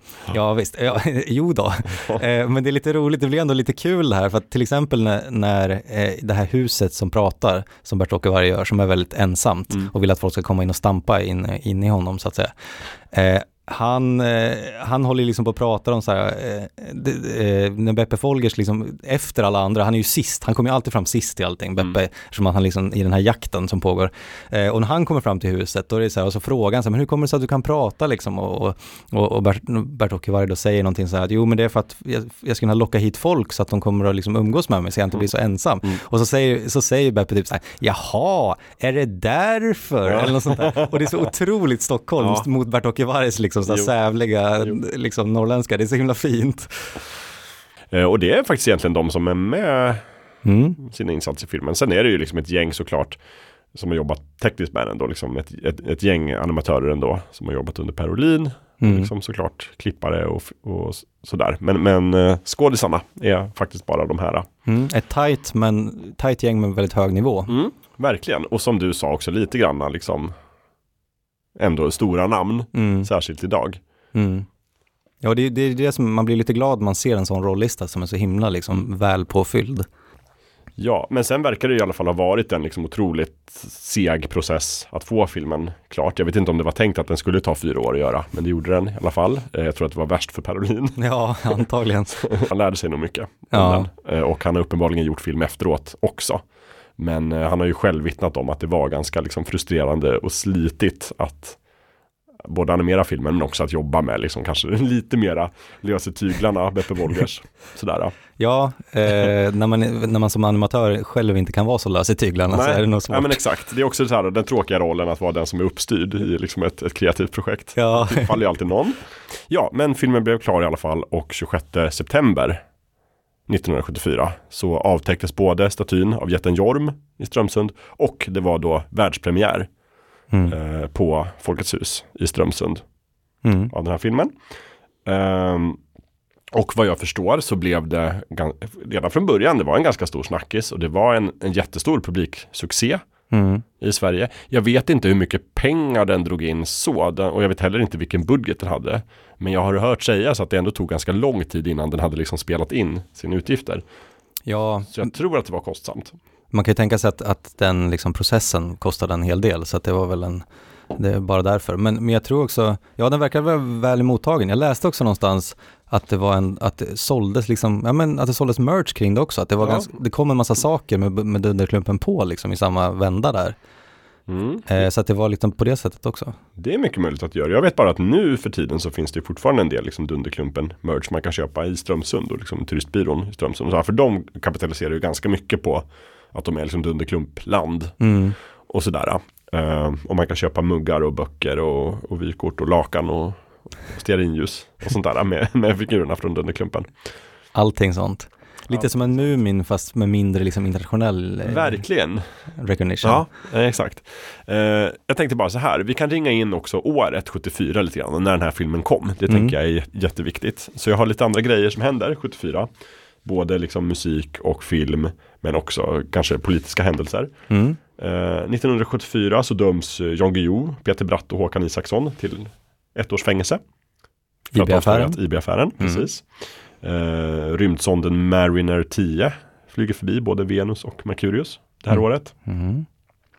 Den nya regeringsformen antas i Sverige. Ja, viktigt. Eh, Så kungen får enbart ceremoniella uppgifter och rösträtten sänks till 18 år. Ja, det är viktigt. Myndighetsåldern sänks också till 18 år. Så att det är Från ihop. 21 antar jag, eller 20 ja, kanske? Ja, Mm. precis. 20 tror jag. Mm. Eh, Richard Nixon avgår som USAs president. Watergate. inblandning i Watergate. Men Watergate precis. hände väl året innan antar jag? Ja, exakt. Mm. Men det kom framåt till slut så. Där Ja, det upptäcktes att han, du visste ju om det här men har mörkat. Ja, precis. Eh, kulturhuset vid Sergels torg i Stockholm invigs Jaha, 74. Eh, Ingmar Stenmark tar sin första världscupseger i specialslalom 74. Mhm. Rubiks kub uppfinns 74. Oj. Mm. Eh, både Linda Rosing och Linda Bengtzing föds. Ja, de är lika gamla som Rubiks kub. Det är, Det är bra, helt otroligt. Bra trivia. Den vill man ju ta upp någon gång i, så här, Ja. i ett quiz-sammanhang. Eh, lite filmer som kommer 74 då, förutom det. Eh, de största. Det är väl inget så här superstort filmår egentligen. Är men, så? men Gudfadern 2 kommer i alla fall. ja, okej, men den är ju Ganska helt okej stor. Ja, men vissa år är det ju bara det kryllar av, av stora filmer. Och det här är ju den här perioden också eh, på 70-talet när det görs väldigt så här bra amerikanska filmer som är lite annorlunda. Alltså Mm. det här har ju du koll på, men liksom det kommer ju mycket under de här åren, men kanske inte just 74 då. Ja, nej men det, det stämmer. Men i alla fall, Gudfadern 2. Eh, det våras för sheriffen kommer 74. Mhm. Mel Brooks, alltså Blazing Saddles. Blazing Saddles. Eh, Dark Star, alltså John Carpenters första film. Eh, Mannen, med Mannen med den gyllene pistolen är årets Bondfilm. Mm. Det är väl med Roger Moore. Just det. Mm. Och Motorsågsmassakern kommer också 74. Mhm. Omtalad om inte annat. Ja, verkligen. Så det är väl det. Eh, musik då, då är väl det första ABBA vinner Eurovision. Ja, just det. Ja, men det, det, är ju- det, är- det är ju det, det är liksom ett märkesår för i Sverige. Ja, verkligen, mycket. det är det väl också. Ett annat märkesår är just att, att 74 så Björn Skifs och Blue Swede blir den första svenska gruppen som får en etta på amerikanska singellistan. Just det. För Ja, vad heter den? Heter den I can stop this feeling? Nej, det, Hooked on a feeling. Hooked on a feeling heter just det. det är bara, den börjar ju bara med I can stop this feeling. Jajamensan. En- tjacka helt enkelt. Ja, exakt. Eh, och Bruce Springsteen uppträder i Boston, gör en tidig spelning och musikjournalisten John Landau skriver de berömda orden I saw rock'n'roll's future and its name is Bruce Springsteen. Snyggt. Mm. His name is Björn Skifs. Hände också 74. Spindelmannen får en egen tidning i Sverige. Jaha, Mm. i just Sverige. Ja men det är intressant, alltså det känns som att, eh, att, att det liksom Springsteen började då och att liksom Stenmark började då. Det känns som det, eh, det känns som att sånt borde ha hänt tidigare på något sätt. Ja, men här har vi verkligen i, i startgroparna för någonting här. Och Linda Rosing då som sagt. Det Ja. borde hänt senare kanske. Ja. Hon började också då. Just det, men då har vi ringat in kulturellt lite grann i vilken miljö som den här filmen får premiär. Ja. Och vi har pratat om bakgrunden och alla personer som är inblandade. Och vi har pratat om tillkomsten Mm. och vi har eh, haft lite sidospår. Ska vi avsluta den här podden med att prata lite grann om själva filmen? Absolut. Och lite är det dags grann, nu? Jag tänker att vi behöver inte gå igenom minut för minut på den, men vi kan prata lite grann övergripande om strukturen eller brist på strukturen. Mm. Vi kan prata lite om våra höjdpunkter och vi kan ge någon sorts betyg eller helhetsomdöme om den, både i, i sin kontext och hur den är idag. Mm. Absolut.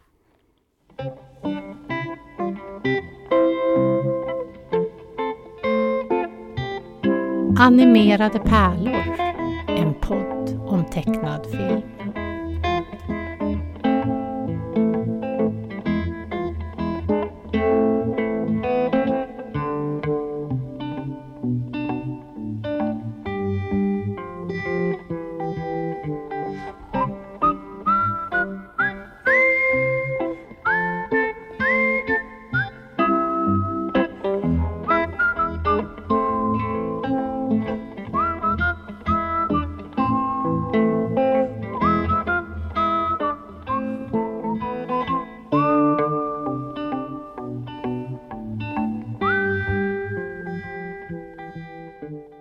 Jag såg den ju ganska nyligen för att liksom friska upp minnet. Och som jag sa så har jag sett den kanske totalt i sin helhet fyra, fem gånger i mitt liv. Men oerhört många gånger i liksom små bitar här och där. Mm. För som sagt, den har liksom av någon anledning så har den rullat ofta dit jag har kommit. ja. Ehm, Men man slås ju av, tycker jag, att alltså det märks att det är en improviserad animerad film Mm. på många sätt. Det märks att det är Beppe Wolgers som har känt fram den ganska mycket och Mm. liksom drömt ihop den. Och, Under tiden också. Och, och skrivit och sådär, ja vad händer nu och nu ska väl det här hända och det kan väl bli roligt. Utan kanske, han har inte gjort den här liksom treaktsstrukturen först. Och tänkt Nej. att här ska, det här ska vara klimax och det här ska vara det. Det var nog generellt inte Beppes grej att göra så. Nej, jag tror inte det. Så det, det är ju verkligen en, en tecken på, man ser vem det är som har gjort den, helt, på väldigt många sätt ja. Ja. Men du såg också filmen relativt nyligen. Mm. Eh, hur skulle du säga att den står sig som, liksom, som film betraktad? Ja, jag tror att när man ser den som vuxen så är det ju, jag tror att det är väldigt lätt att uppskatta den för att även om man nu för tiden kanske mer tänker på liksom att, att, den, att den inte har någon struktur och att liksom dramaturgiskt är den lite, lite konstig sådär, Mm. så tror jag att man verkligen kan uppskatta liksom hela känslan i den. Kanske mer, när man är barn kanske man mer ser den, uppskattar de roliga figurerna och liksom Ja. sådär. Men som vuxen kan man, kan man se det här att vilken liksom fin ton den har, för det har den ju verkligen. Den är ju, det är ju kanske Sveriges mysigaste film faktiskt, skulle Mm. jag säga. Ja men absolut. Och, och hög, liksom tät atmosfär. Mm. Extremt mycket. Stäm, stämning och atmosfär 10 av 10. Ja visst, och där hjälper ju både eh, miljöerna och musiken till väldigt mycket. Och det är lite så här, det är en sån här film, det finns ju sådana filmer som, som är väldigt mycket atmosfär och musik och inte kanske så mycket handlingen som driver det liksom. Mm. Och det här är ju en sån. Ja, verkligen. Och jag tycker de sätter den stämningen liksom redan från början med liksom bara den här vyn över, över ön Mm. och Jämtland med Beppes berättarröst. Och så bara den här händelsen inträffade. På ön där allt kan hända eller vad han Mm. säger. Eller om det är i midsommarnatten allt kan hända kanske. Ja, ja men exakt. Mm. Vilken öppning. Vilken öppning. Mm.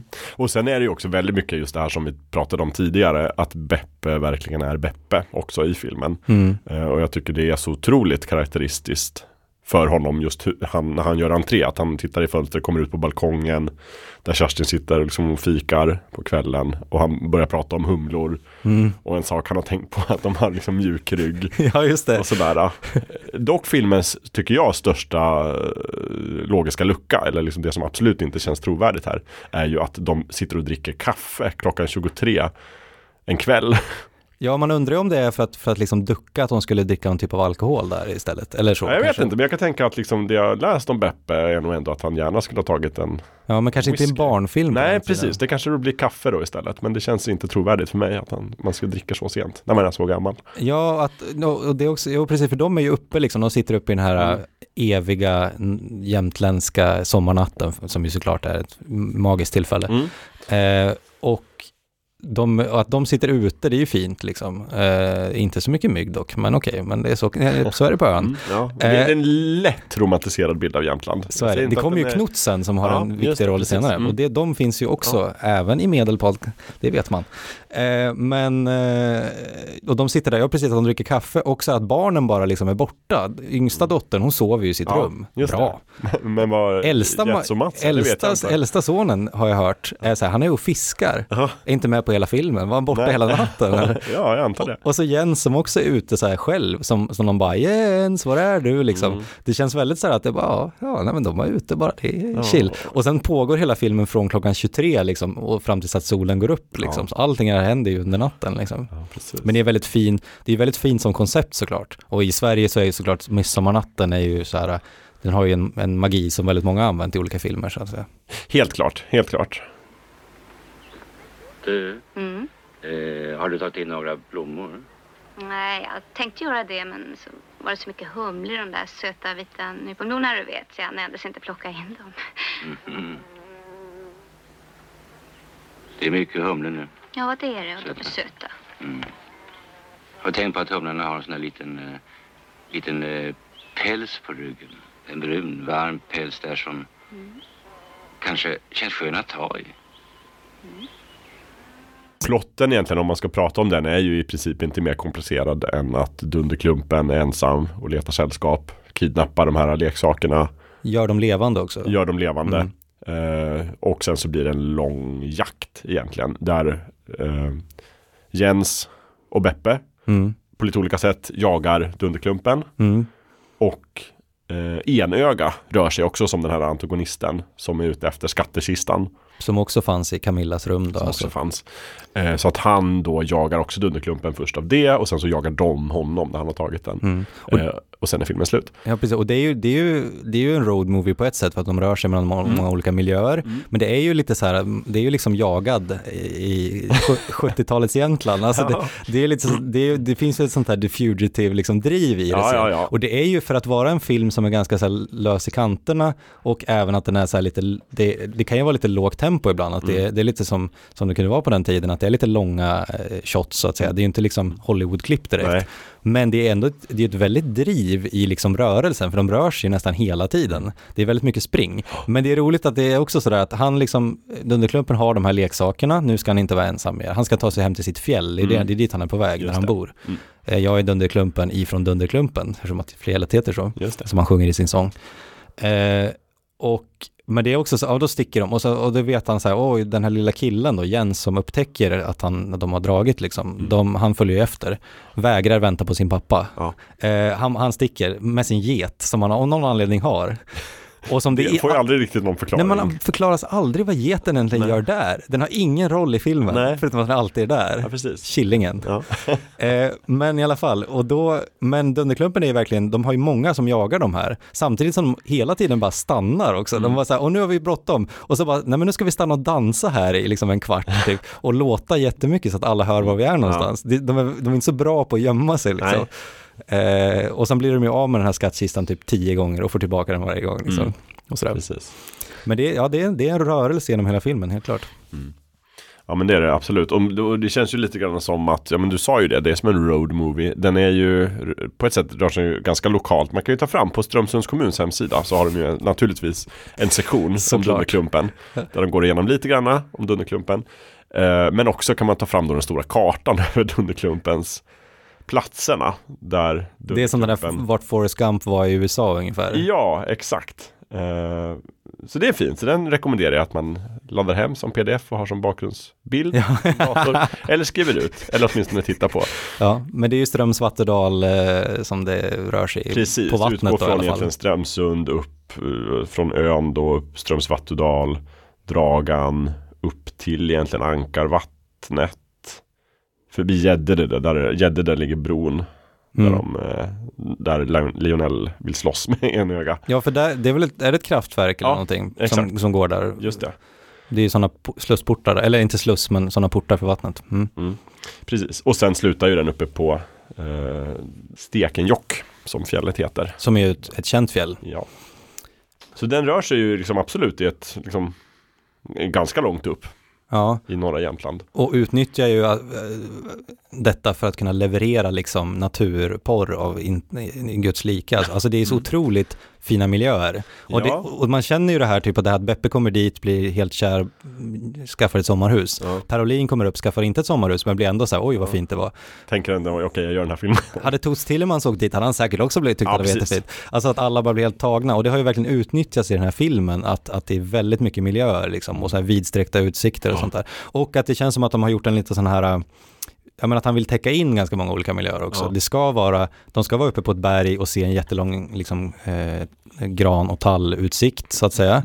Eh, De ska vara liksom vid några olika vattenfall och forsar. Ja. De ska, det ska synas ett kraftverk. Eh, och på ett sätt, eh, på, dels är ju det för att liksom verkligen sälja in Jämtland och det är väl det som gör att det blir så himla bra som en sån här Jämtlandsfilm så att säga.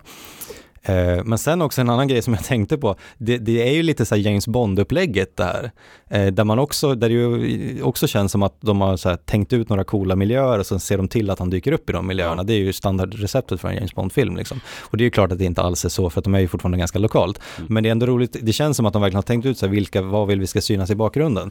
Och då är det lite som så här, nej men i, James Bond är det ju liksom så, vi, kan, vi ska ha en känd byggnad och sen ska vi ha James Bond och någon som liksom klättrar upp och ner och slåss på den, typ. Så tänker ju de. Men här var det ju liksom så här, men om Lionel, och det ska vara lite dramatiskt, det är ju lite, ändå lite nerv i den scenen, när de ska så här, eh, när enöga återigen tar skattkistan och de, och de står ovanpå de här liksom, portarna på det här Mm. kraftverket. Liksom. Då har de ändå tänkt på det, men det kanske vore coolt om de var där när det, när det här händer. Liksom. Just det. Eh, och lite sådär. Jag slår vad om en halv melon att det var enöga som tuttade på. Nej, vi må skynda på. Kom fort och kom ihåg vad jag har sagt. I dundervattnet dundrar det av dunder under. Ja, men vet du vad? Vi räddar ju huset. Kan vi inte få lite cola? Snälla. Nej, jag har inga kolor. Vi har bråttom. Kom nu. Om jag får skattkistan, då kommer jag. Nej, inte nu. Sen. Nej, nu. Nu vill jag ha den. Nej. Jo! Nej. Jo! Nej, nej, nej. Skynda va. Jag får aldrig någonting. Ja, ta den då. Men hon tog den inte. Nu är det min tur. Ja, de har tänkt i, i set pieces. Ja, liksom. precis. Precis, och det känns ju som att det är ett grepp och dels göra det till liksom en lång jakt. Mm. När det inte finns liksom ett uttänkt manus. Så är det en ganska tacksam struktur att liksom bygga en film runt. Så Mm. att men det ska vara en jakt. Och då är steget inte långt till också eftersom att vi ska visa upp Jämtland och den ska utspelas i Jämtland. Att då bygger vi jakten kring de här liksom set pieces. Mm, de här nyckelställena så att Precis. säga. En annan sak som är en parallell till, till James Bond, jag ska sälja den här eh, konceptet så bra, det är ju att, att, eh, att Beppe ska komma i olika fordon, Ja, som han ju gör. Precis. Det känns ju väldigt konstigt tycker jag när han plötsligt kommer i en bil. så man, men han hittar ju den i någon lada typ. Ja, är det så? Han hittar bilen? Ser man att han hittar den? Ja, för Eller att- kör han bara ut från en lada med en Nej, bil? precis, man får inte se att han hittar den, Nej. utan är, scenen börjar med att han kör ut ur en Ja. lada och det så här, ligger en massa hö på bilen, eller gräs. det är ju inte vilken bil som helst, det är en sån här riktig gammal, fin, liksom. Ja. Ja, en otroligt fin bil. Och den hoppar han liksom, åh den här kan jag använda, den hoppar jag in i. Och sen så händer liksom inget, han kör med den, Humlan följer med ett tag, Ja, sen överger Humlan honom, Beppe krockar.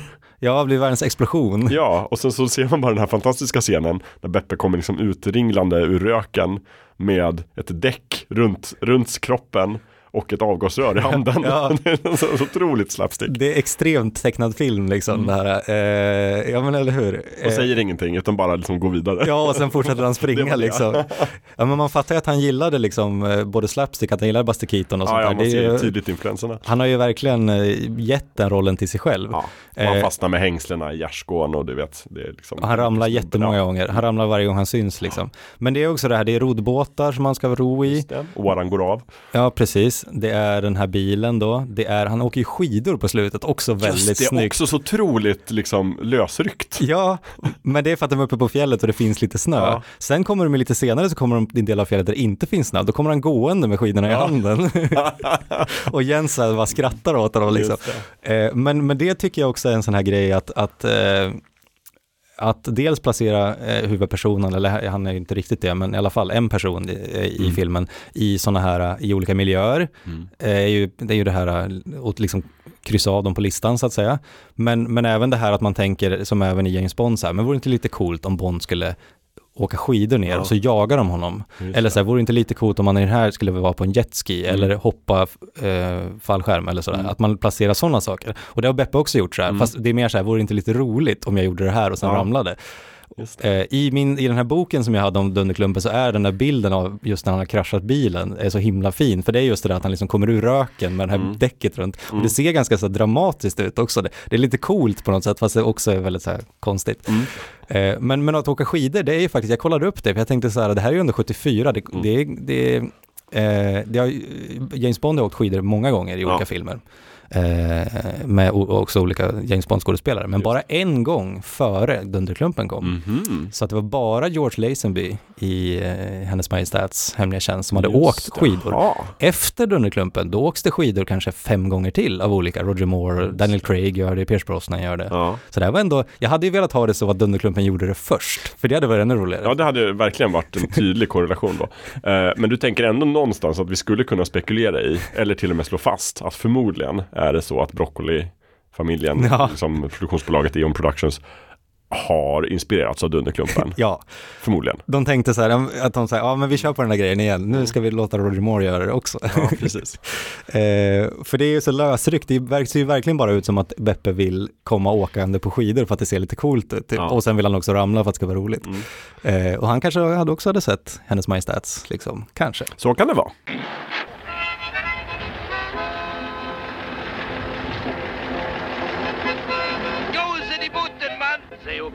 Dikena. Växla till trean.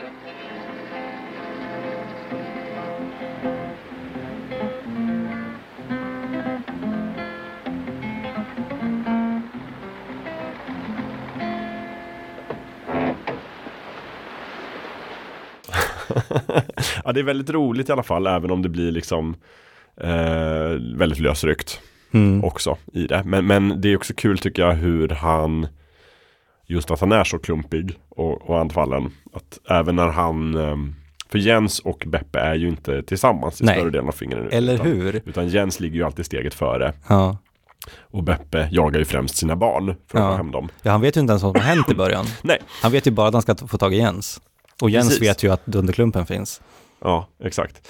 Eh, men just fram till när de är ute där vid eh, de här stockarna som fraktas. Mm. När, då är ju första gången när Beppe egentligen börjar jaga enöga för att Jens säger till honom det. Han står ju uppe på fjället och kan ropa Mm. till honom att enöga kommer undan, att han måste jaga. Och då säger ju Jens också sådär, men jag måste iväg och hjälpa min pappa, han klarar inte det här själv. Ja. Det säger också någonting om hur han har porträtterat sig själv. Absolut. Att han är liksom den här fummel, fummen.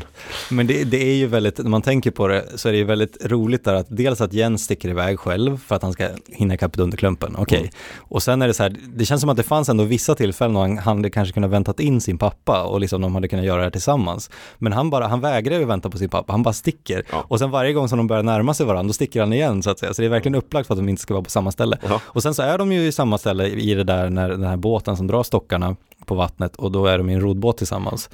Eh, och sen det första som händer när de kliver av rodbåten är att de delar upp sig igen. Bara, du går ditåt, jag går hitåt. Bara, Men ni har ju precis hittat varandra. Precis, Ska ja, ni verkligen göra det här? Nu ska vi omringa. Ja, eh, och, det, och, och en grej som är väldigt tydlig när man tittar på den, som man kanske inte tänkte på när man var liten, men som är mycket tydligt nu. Jag skulle vilja göra en, en supercut, ett medley av Dunderklumpen, alla gånger som någon skriker på någon annan. Alltså Ja. det är så otroligt mycket ropande. En stor del av dialogen går ut på att folk ropar efter varandra. Det var Jens, Utan att få svar.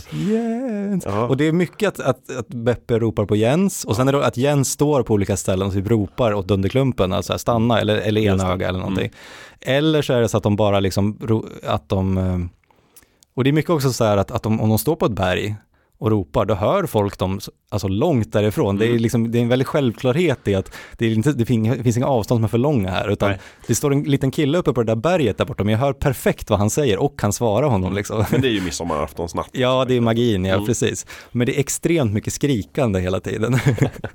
och det är lite roligt. Och det är ju det, typ, jag tror att Jens Wolgers alla repliker är att han ropar typ.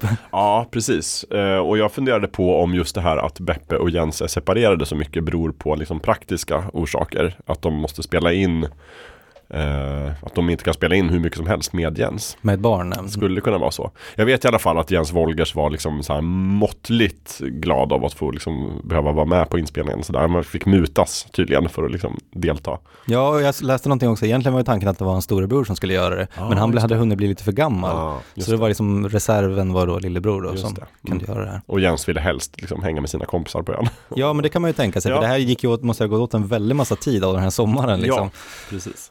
Eh, som han fick göra. Och jag vet att han inte var så glad heller på själva premiären när det var liksom press och sånt ute på ön. Att han, då gick han undan och gömde sig liksom. Ja, ja precis. Personlig side-note, eh, min storebror som jag ärvde den här boken av heter också Jens. Jaha. Mm, Shoutout till Jens, min storebror. Tack för att jag får ärva saker av dig. Och för, tack till din mamma också för att du har sparat en massa saker från 70-80-talet. Det är jag glad Ja. för. Och även den här liksom också klassiska liksom jaktfilmsscenen är ju att det liksom Det börjar med ett ganska tydligt mål Och sen så liksom Händer någonting och sen så tar de två steg tillbaka Mm. och så där, De hinner nästan ikapp Mm. och, och sen har vi också den här separata jakten där enöga jagar skattkistan, misslyckas med att få tag på den, försöker igen, får tag på den och sen måste de jaga honom för att få tillbaka skattkistan. Mm. Och sådär. Det är lite granna, det känns ju som att i den mån som Beppe Wolgers liksom hade en idé om handlingen i den här filmen så är det väl mycket det här liksom lite tematiska kanske. Vad, vad är ett värde, liksom, vad är en skatt? Absolut. Som i slutet då, liksom, vad, är en skatt, vad finns i en skattkista för barn? Ja, det är naturligtvis inte rikedomar på det sättet utan det är ju såklart en, en fin sten, en, En fin vacker fjäder. Mm. Och eh, glädjen och frihetens luft eller Just vad det är. ja, som, väldigt fint. Som de sjunger om i Mm. slutet också. Mm. Eh, precis, och det är ju också så att, och det tycker jag, jag känner, tycker man känner igen det från andra liksom eh, tecknade filmer, andra filmer från den här tiden, att, att det är liksom okej att, att saker och ting rör sig lite långsamt, för samtidigt som de springer väldigt, rör sig på det sättet ganska Ja. snabbt, så är det ju så att det, det, inom, inom en scen så kan det ju vara liksom ganska lågt tempo, och det får vara det, för att det är okej liksom på den här Mm. tiden. Eh, och, men samtidigt är det också så att det, det blir ju lite så här, nästan lite handlingshål ibland när det är så här typ att ehm, de, eh, de, har lyckats, de har den här skattkistan och vet att den här Mm. killen ska ha, vill ha den. Eh, de liksom ställer ner den någonstans och Ja. bara tittar inte där, eller typ tappar ut den. Mm. Eh, eller så här att, att det, är ju en, en ganska viktig scen ändå, för en av Enögas grejer är att han trycker ju egna pengar. Han har ju en liten sedelpress bak på sin cykel.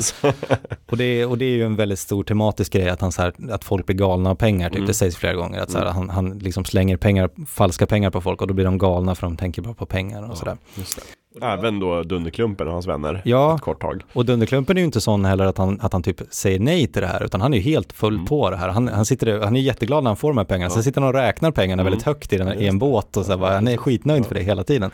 Eh, Men det, men det är i alla fall, han, enöga slänger ju ut en massa pengar över gänget liksom, så att de ska bli distraherade. Mm. Och sen så går han och tar skattkistan. Och när han går och tar skattkistan, då är det verkligen så att han verkligen går, han går ju mellan dem. Typ. Ja. Alltså så här, och, och, liksom så här, han, och sen tar han skattkistan och sen har han inte bråttom därifrån heller. Det är inte så att han bara sticker, utan han, då står han kvar ett tag och håller i skattkistan. Den kommer liksom Pelle Gnillot och går förbi honom, Ja. ser inte honom, Nej. ser inte skattkistan. Och det är väldigt mycket sånt där. Att det är liksom, sen finns det en scen senare också när de är på en, en dimmig sjö. De åker båt på en sjö där det är väldigt mycket dimma typ. Mm. Eh, och då, är, då sitter enöga på en liten ö och liksom så här, är liksom fast. Så här, nu, har han, nu kommer han inte därifrån, nu är han fast. Då åker Dunderklumpens båt förbi precis bredvid honom. Ja. Då kliver han bara på båten, inga problem, Nej. ingen märker någonting. Så att det, ja, så, så kan det vara. Det. Lite så, också det här lite liksom cartoons-logiken. Att så här, men, men, eh, om en persons uppmärksamhet är ditåt, då ser den inte vad som händer bakom den. Nej, och de inte liksom, och vi jagar den här skattkistan liksom jättemycket, men när vi väl får tag i den, då, då är vi inte så noga med att skydda den liksom, det spelar ingen roll. Och det finns ju även det här då som jag, eh, att, att liksom de vill bara stanna och bara sjunger en stund liksom, Mm. och sådär, och inne i huset, i det här huset som pratar till exempel, så har de ett jättefint sångnummer liksom, som är väldigt klämmigt och väldigt bra musik och sådär. Men det är också så här, de har ju inte så bråttom, och då hör enöga dem för att de sjunger så himla högt liksom. Så, ja, ja, nej visst, så är det. Och där undrar man ju också lite grann, vad är hans plott? För då tänder han eld på någonting och lägger in i huset för att det ska börja brinna. Mm. Ehm, Men Leonel, han räddar ju alla. Ja, exakt. Med sitt mod. Men de sticker ändå därifrån. Och sen springer de och badar eller liksom. Ja, ja de är också sådär att de stannar någonstans typ. Ja. Och det finns ett, en tillfälle när de bara somnar typ och så ligger de bara och sover och sen så kommer enöga igen. Enöga tar ju skattkistan jättemånga gånger i den här Ja, filmen. Och varje gång de får tillbaka den så gör de ingen stor grej av det heller. Nej, de bara, ja. För att det är lite så här ibland att, att skattkistan bara dimper ner. För att en typ en fågel har tagit enöga. Det, det är ju också roligt för att enöga är ganska lång jämfört med, med de här figurerna. Och man vet ju att det här är leksaker. Så att man, man fattar ju på ett plan att de är ganska små. Men i, i huvuddelen av filmen så ser man ju inte att de är så små. För de, Nej. de rör sig ju själva. Så att man, ja, det är lite som, som figuren Bamse. Som åtminstone i den tidiga, tidigt i sin karriär så att säga är ju väldigt liten. Men det märks ju i alla fall, han umgås ju med folk som är Ja, också i samma storlek.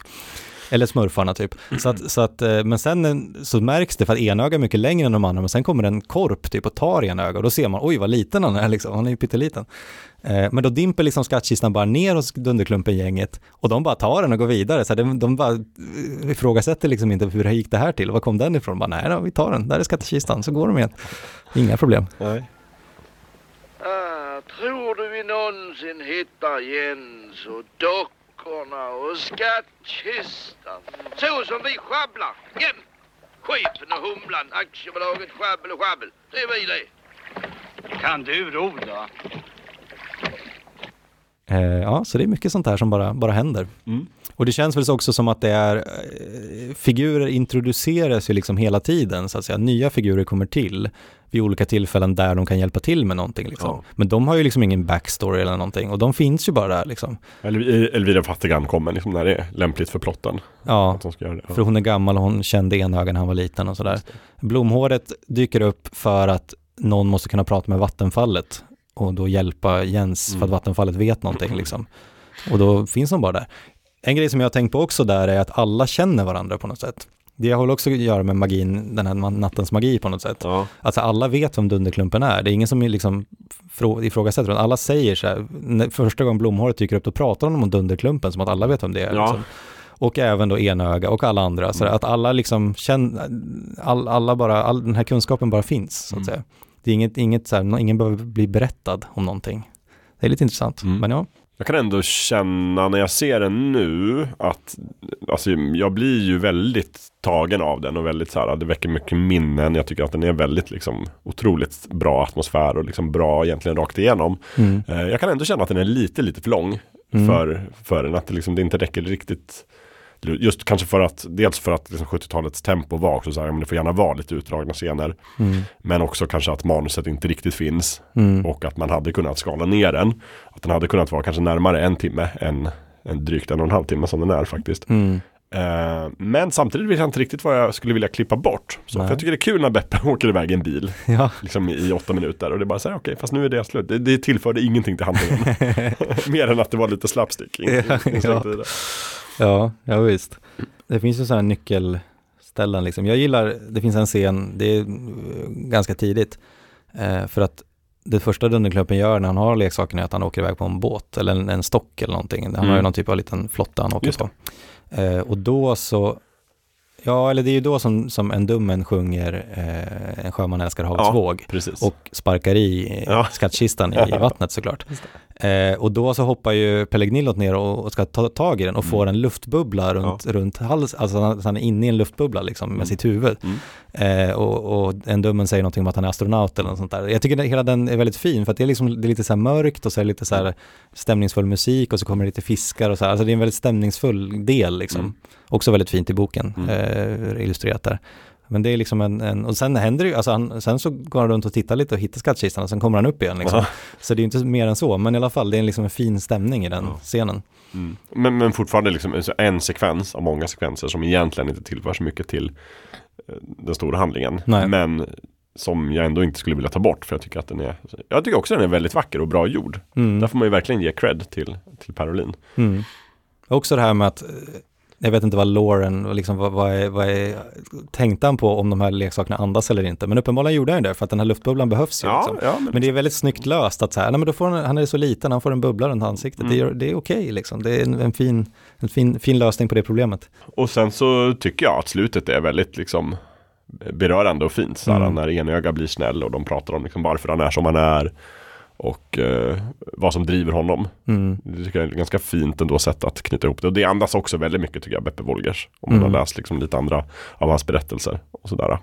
Ja, och det är, det är ett ganska tydligt, liksom, om man ska säga så antikapitalistiskt på ett sätt, så att säga, fast på en Mm. ganska liksom enkel nivå. Mm. Det här med att människor blir galna av pengar, men man måste istället man ska istället liksom skydd, tänka, skydda naturen och liksom friheten och sånt där. Mm. Alltså Elvira Fattigan har en liten monolog om det liksom. Ja. Eh, och, det, är- det, och det är ju faktiskt, alltså det är ju väldigt fint. Det, är- det är inte så att, att det känns liksom påklistrat eller lite så här präktigt, utan det är väldigt, hela den biten är väldigt fin på Mm. riktigt. Eh, och hon har ju en väldigt fin låt också. Eller ja, dels har de ju låten på slutet som är eh, Det, det blåser en storm över Jorm, Glädjestorm. Lyckostorm. Ja. Den är ju väldigt fin, det är ju väldigt ganska, ganska så här maffigt sångnummer. Men innan det så har ju hon en låt som är så här, tack för allt som finns, tack, tack för allt jag minns, tack för allt som finns. Mm, mm. När man introducerar henne, som också är väldigt fin faktiskt. Just det. Eh, där hon sitter på sitt fjäll och bara är tacksam för allting hon kan se liksom. Mm. Och sådär. Mm. Allt hon har upplevt. Just det. Så det är, det är barnets skatter som är de riktiga skatterna. Ja, precis. En, en liten fin fjäder. En liten, ja. Ja, den det, ja det, det blir fint. Det är en väldigt eh, berörande scen som sagt.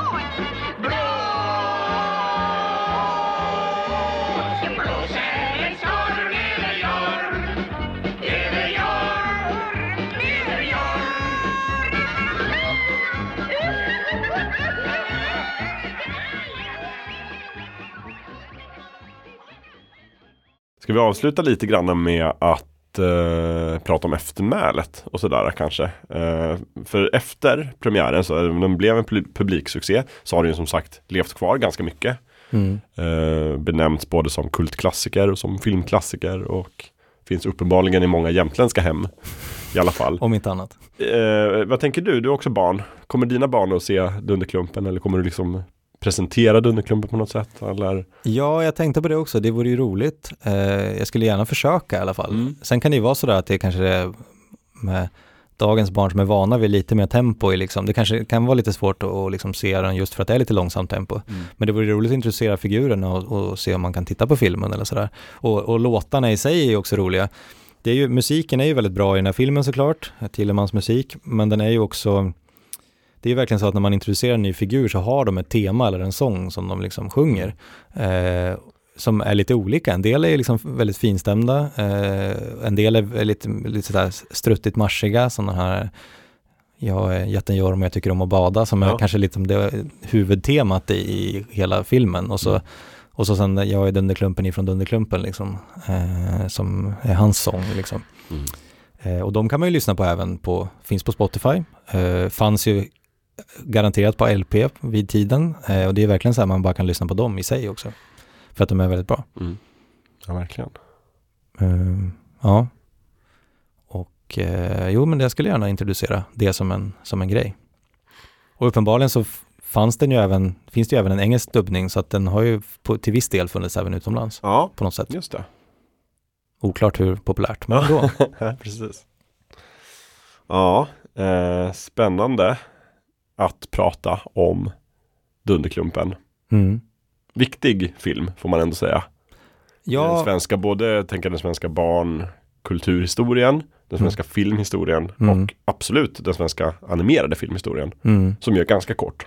Ja, men som liksom kom igång med en, en smäll där kan man säga. Ett, ett, ett rejält projekt väldigt tidigt. Mm. Ja, nej men visst. Och jag vet inte vad den har för status idag egentligen. Jag tror att, att den är ganska ihågkommen på ett sätt eh, från folk som var med så att säga på den Mm. tiden eller, eller strax efter eller sådär. Den, den, har ju inte samma status som liksom Astrid Lindgren såklart, eller Mumin eller sådana där Nej. andra animerade från närområdet så att säga. Men den är ju ändå eh, ganska ihågkommen. Kanske skulle behöva en liten renässans på något Mm. sätt. Skulle jag säga. Ja. Men vi har väl slagit ett litet slag för det med det här Ja, poddavsnittet såklart. i alla fall. Se den. Så, ja, har man inte sett den vid det här laget så, så tycker jag man kan göra det. det är liksom, vi har inte spoilat den på något sätt genom att, att prata om den i, i dryga två timmar. Men absolut, se den. Och som sagt, den finns väldigt tillgänglig på ett sätt därför att den går att se helt gratis på, på YouTube och på Vimeo. Vi lägger Vimeo, upp mm. länkar tänker jag i den här podden. Mm, ja, så precis. går det lätt att få tag på. Sen går det också att beställa tror jag DVDn från Strömsunds kommun. Nej, det, är det så? Ja, de har en merch. Okej, såklart. Ja, och den finns också tror jag gott, går absolut lätt att köpa både en VHS och en DVD på Tradera. Ja, eller hur? Bra. Mm. Vad bra, men Tobias Edlund, då ska du ha ett stort tack för att du ville sitta ner ett tag och prata om Dunderklumpen tillsammans med mig. Tack så mycket Jakob. Det är alltid kul att podda med dig. Tack.